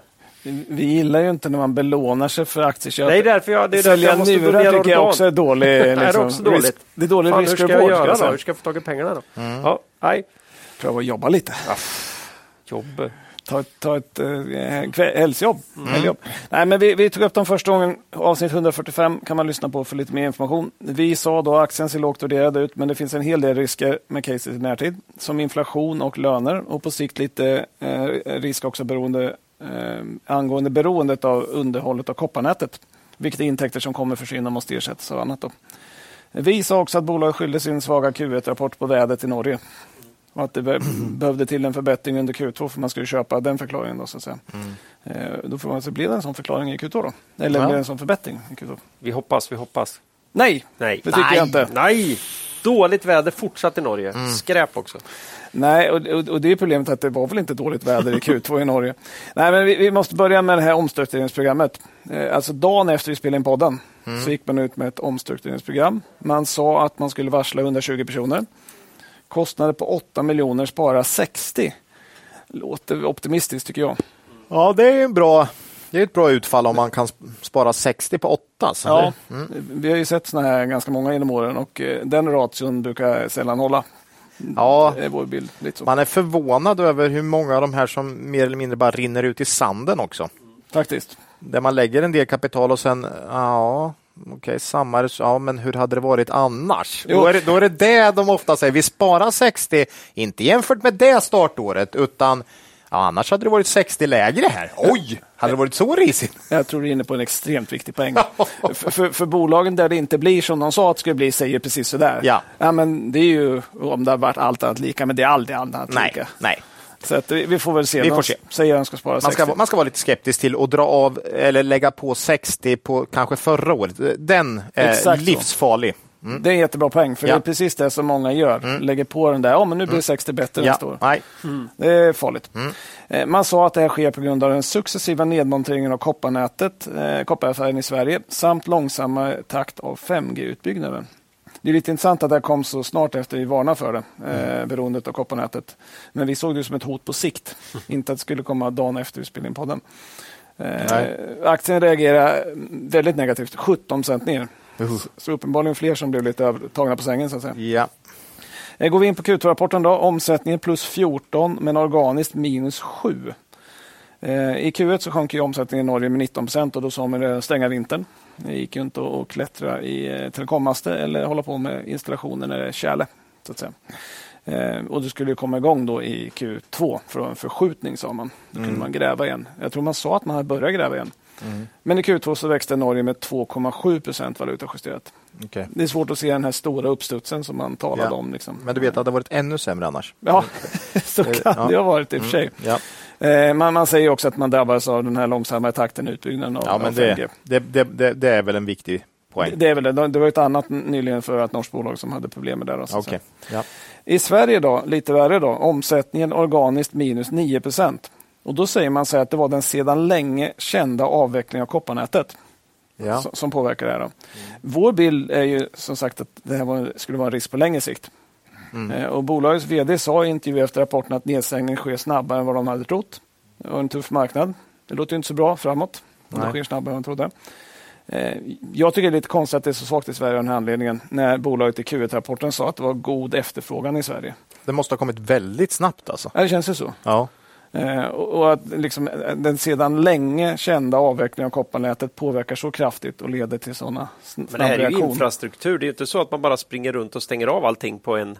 Det här är, sker ju successivt. Det kan ju inte bara accelerera hur som helst. Liksom. Nej, och att det då från ett kvartal till annat blir så här får mig att känna att ledningen i sämsta fall skönmånade bilden i Q1. Eh, och, och i annat fall så har man väldigt svårt att förutse hur marknaden kommer att utveckla sig framåt. ja. Och båda Det är alternativen är, problematiska. Det är inte så kul. Nej. Alltså, ja, vi får se vad det blir med det. Resultatet då är ännu värre, 2,8 miljoner, marginal 0,4 procent. Är man lite snäll och lägger tillbaka omstruktureringskostnaderna så får man 1,3 procent. Men det är svagt. Eh, Vad hade man säga. förra året där då? Ja, långt högre. Ja. Jag hade inte den siffran, men det Nej. var mycket, mycket högre. Eh, som skäl anges då förseningarna i 5G-utbyggnaden i Norge samt att inflationen har lett till fortsatta prisökningar från bolagets tjänst och materialleverantörer. Det låter mycket mer i linje med det vi varnade för. Mm. Att inflationen skulle komma att eh, påverka dem. så att säga. Och Då vill det till att de här kostnadsbesparingarna kan kompensera för de här ökade kostnaderna från leverantörerna. Så att säga. Mm. Och det är just det här temat om hur mycket av de 60 som blir kvar då när man har kompenserat ja. för ja. den kostnadsökningen. Så att ja. säga. Eh, och så kommer vi tillbaka till det du var inne på Claes. Tittar man på börsdata så ser Transtema extremt billigt ut. Jag sitter och lägger köp precis. P 3,3 på rullande 12. och väldigt bra historik för omsättning och så va? Ja, Eller? Vi, vi kan återkomma till det. Okay. Eh, men det baserar sig då på en vinst efter finansiella poster på 214 miljoner på rullande 12. Mm. Men då måste man rensa en del då, tycker jag. Det finns plusposter för omvärdering av tilläggsköpeskillingar. Q4 21 miljoner, Q1 18 och Q2 i år 84 miljoner. Det är 123 miljoner, mer än hälften av det resultatet. Det ska vara bort, för det är bara tramsposter. Ja, ja. Och det gör att PE är klart högre än vad det ser ut att vara. Ja, mm. eh, sen är det rätt sjukt det här med att man får plusposter i resultatet för att de förvärv man har gjort går sämre, sämre. än vad man trodde att de skulle göra. Det är ju för övrigt samma sak i Embracer för de som är lite intresserade av dem. Ja. Gå, gå, in i deras rapport och rensa bort de här tilläggsköp och skillingsplusposterna så ser det lite annorlunda ut än vad det ser ut. Vi, vi, vi gillar ju det omvända. Ja. ja, åh nej, resultatet blir mycket sämre här för att mm. Eh, våra förvärv går så himla bra. Mm. Och Tilläggsköpeskillingarna blir mycket högre än vad vi hade trott. Ja, förvärven går bra. Ja, exakt mm. så. Det är det här som är intressant i RakeTech, för det är den stora faran som marknaden ser, att ja. Kasumbas earnout-siffror blir så höga, men det är ju trots allt för att det går bra för det de har köpt. Så att säga. Mm. Så generellt sett så vill man ju ändå att det yep. ska gå åt det hållet. Så att säga. Mm. Eh, sen Transtema har, som vi talade om i förra podden, en historik av sämre förvärv, tycker jag. 2016-17 eh, gjorde man ju massa förvärv som slutade med konkurs på infrastrukturdelen. Då. Mm. Eh, 22 nu slog man till med två stora förvärv i Norge inom installation och byggnation av telekomnät. Nu har ju båda fått rejäla problem. Först ena med vädret, det andra nu med med, med 5G-utbyggnaden. Jag tycker att man kan sätta ett frågetecken för Transtemas förvärvs, eh, om de verkligen är värdeskapande. Mm. Eh, de har mycket att bevisa tycker jag. Um, sen, sen, vi sa ju också förra gången att när kursen har fallit så här mycket så borde väl insynspersoner sitta och, med båda händerna på köpknappen. Mm, den är ju alltid jobbig om, om de inte gör det. Hur många köp har det varit sen senaste halvåret? Noll. Noll. Mm. Helt korrekt. Ett stort insidersälj. Mm. Minus 47 procent är kursen ner. Mm. Om ledningen inte köper då, mm. varför ska någon köpa? Mm. Ja, det är bra. Lite Eller är faktiskt. det så dålig likviditet? ja, det, det, det, går att köpa aktier. Så okay. det, det, är jättekonstigt. Ja. Eh, om det nu är så att det är liksom tillfälliga effekter, lite förseningar här och där, mm. ser inte så farligt ut. Varför köper inte ledningen? Nej. Jag tycker det är jättekonstigt. Mm. Eh, och, och, och grundkoncepten, ni märker att jag är lite Ja, eh, nej, men det är lite neg här. Du är lite negativ, ja. ja. Eh, och, och, nu har vi gjort den här uppdateringen som vi la ut efter, efter förra rapporten. Då. Mm. Eh, men vi kan inte utlova att det kommer tillbaka till det här i närtid, för jag tycker det är tveksamt om det här är kvalitetsbolag. Mm. Det är för mycket strul, det är för osäkra besked från, från bolaget och ledningen och för mycket svängningar i lönsamheten. Mm. Den som gillar turnaround-case kan absolut fortsätta titta på det här. Mm. Men för den som gillar stabila kvalitetsbolag så kan man gå vidare och titta på andra bolag. Ja, Nej, men vi brukar göra, alltså det händer ju det här att ett, ett bolag som med en vettig historik som vi tycker helt plötsligt så känner man att varför sitter vi och, det här är inget bolag vi kan gissa framtiden för. Det är inget det känns inte som ett kvalitetsbolag. Och här var det ju så att vi fick in väldigt mycket förslag på att ni måste titta på det. Ja. Och då, då sa alla att ja, men de har en jättedålig historik, men nu är det mycket bättre. Jaha, okej, okay, det var så, så var det. var i det här fallet. Ja, okay. okay. För mm. man, man konkur den här infrastrukturdelen ja. och så har man löst det och så har man skaffat nytt och nu ser det mycket bättre ut. Ja, jag har inte jättebra koll på Nej, men nu är det två rapporter i rad där det inte ser bra ut. Nej. Så att, då är det andra gången det händer. Ja. Um, sen är det också det här med, de, de, talar om den sedan länge kända avvecklingen av kopparnätet. Mm, ja, den är, den är... Det, det säger man sju gånger i senaste rapporten. Mm. Hur många gånger nämner man kopparnätet i sina fyra senaste rapporter innan Q2? Noll. Har du fuskat? Nej, det har jag inte, men det, det var en så kallad ledande fråga. Ja. Man nämner den noll gånger. Ja. Mm. Den, den sedan länge kända. Det är inte så att man har jätteflaggat för det. Nej, det har man ju inte då om man har sagt det noll gånger och sen åt, sju ja, gånger. Den är så ful för det är ju känt i samhället i stort att kopparnäten är på väg ut. Ja. Men, men de det är ju alltså ganska inte... intressant att alltså, det här bolaget behöver ju specifikt adressera det att det här är en risk som finns för oss hela tiden. här. De har alltså inte nämnt det en enda gång de senaste rappor- fyra rapporterna. Nej. Och jag tycker det är jättedåligt. Vi tog upp det för att Redeye var noga med att, ta upp det. Ja, De har ju heller inte nämnt Men att det finns, bolag, b- bolaget har inte alls varit så duktiga på det Nej. tycker jag. De har heller inte nämnt att det finns väder i Norge tidigare. Tycker jag. nej. Nej, Vad- men, eh, vet du hur ofta man nämner tillväxt de senaste fyra rapporterna? Det får jag gissa. 52 gånger. Vill du, vill, vill du Ja, vara högre eller lägre? 14. Nej, det är 76 gånger. 70! Fan, du var ju riktigt bra där, Claes. Bra Claes. Så det är 76 tillväxt, oftast med stark innan och noll kopparnät på de senaste fyra rapporterna. Ja, ja. Nej, men jag, jag, som ni hör, jag är, jag är lite negg. Ja. Vi, vi Det är kommer ju inte nästan åt... klasnivå på det här. Ja, alltså. Det var nästan lite eh, lite bra. synd. Jag, jag, jag, nej, jag har också hö- vissa som... Eh, ja, ja, eh, det var någon som pratade trans-tv med mig som jag, som jag tycker är en i- väldigt duktig investerare. Så att det, det är nog många som har gillat någonting här. Eh, Gillar man... eh, small cap, det är inte någon obskyr lista heller. Det är ju storbörsen. I- i- 700 miljoner börsvärde, ja. Det, Gillar man turnaround-case och verkligen tror på att man kommer tillbaka till vettig lönsamhet, då är det säkert ett jättebra köp. ja. Men, men vi, det här vi är- vågar ju inte. Nej, det här är inte något för oss. Nej, nej. Nej. Nej men det är bra Macke, man måste, det är som NGS till exempel när vi sa att nej nu, nu får det vara bra här. Ja. Nu har vi gått bort oss här. Eh, och bolag som vi mm, Ibland är saker något annat än vad man trodde en gång eller, eller så blir det aldrig någonting. Och jag gillar inte riktigt kommunikationen från ledningen. Nej, Jag tycker nej. inte det här verkar supertransparent. Nej. Bra! Nej, eh, det. då är det från, äger vi några aktier? Nej, vad Nej, det jag vi inga aktier. Det skulle vara- Men Macke har naturligtvis... Nej, jag har absolut Nej, inga. Vi är inga aktier någonstans, det är Nej. Mm. helt unikt. Eh, det, var, det var bolagen. Mm. Nu är det hög tid att vi närmar oss slutet för det här poddavsnittet. Eh, nästa avsnitt är nummer 151, torsdagen den 28 september. Och då blir det ju förhoppningsvis bolagsintervju med Alf från Kabe. Kul! Då ska tekniken funka och vi ska på rätt plats och han ska på rätt plats. Så. Eh, och eh, några bolag blir det också. Ja, det blir det. Det kan man tänka. va? Ja, annars tänka. har vi inte mycket att komma Nej. med. Man kan mejla oss på kontakt kvalitetsaktiepodden.se. Man kan kommentera på X eller på vår hemsida kvalitetsaktiepodden.se. Slutligen, någon riktig makro eller te värt att ta upp idag? Ola? Nej, inte vad jag kommer på. Mac Macke? Jag har ju någonting då. Ja, vad bra. Men det är lite mer på temat bra information än roligt, som vi brukar ha Det här. tycker jag är kanske bättre Ja, ja. nästan för våra lyssnare att få Men jag lite fick inte in det någon annanstans. Nej. Shoot! Nej, men jag såg nyligen en gammal föreläsning med Howard Marks som var väldigt bra. Eh, han har ju en firma som heter Oaktree och han gick igenom deras filosofi. Då. Eh, pratade bland annat om vikten av konsekvent agerande i förvaltningen. Det handlade om att det inte är viktigast att vara bäst, men, men du ska inte vara sämst. Han hade exempel med en förvaltare som, som, eh, som var jätteduktig och låg i andra kvartilen eh, i avkastning. Så, så absolut inte bäst. Men sett över tid så var han nästan i topp av alla. För att han hade inga stora drawdowns, alltså nedgångar som behöver... Liksom, får du en riktigt stor nedgång tar det jättemycket för att komma ikapp. Så att Ja, säga. ja. Det där är ju ganska likt hur vi ser på Ja. det. Vi, vi, vi kommer aldrig vara bäst ett enskilt år. Nej. Men förhoppningsvis aldrig sämst heller. Nej, ja, det blir bra över tid. Det blir över tid. Mm. Eh, Så, så det ligger väldigt nära oss. Då. Eh, sen, sen talar han också om att det är ingen idé att lägga massa tid på makroanalys. Nej. Eh, du bör ha en känsla för hur makromiljön ser ut, men inte ha en bestämd vy och handla på den vyn, för den kommer bli fel. Han talade om eh, massa saker kring risk och det kokar ner till ett citat som blir avsnittets citat. Då. då sa han så här. If we avoid the losers, the winners will take care of themselves. Ja, Det är också ganska nära hur vi ser på det. ja. Eh, För, för, för, vi, för vi tror också det att vi tror mycket på att välja bort. Väljer man bort det som, som inte ser så bra ut så kommer mycket av det som man tittar på bli bra. ja. Eh, och för de som har lyssnat på vårt avsnitt 108 här då vi går igenom vår filosofi så, så förstår ni varför vi tyckte det var en bra föreläsning. Jag har också läst, jag har också sett den här.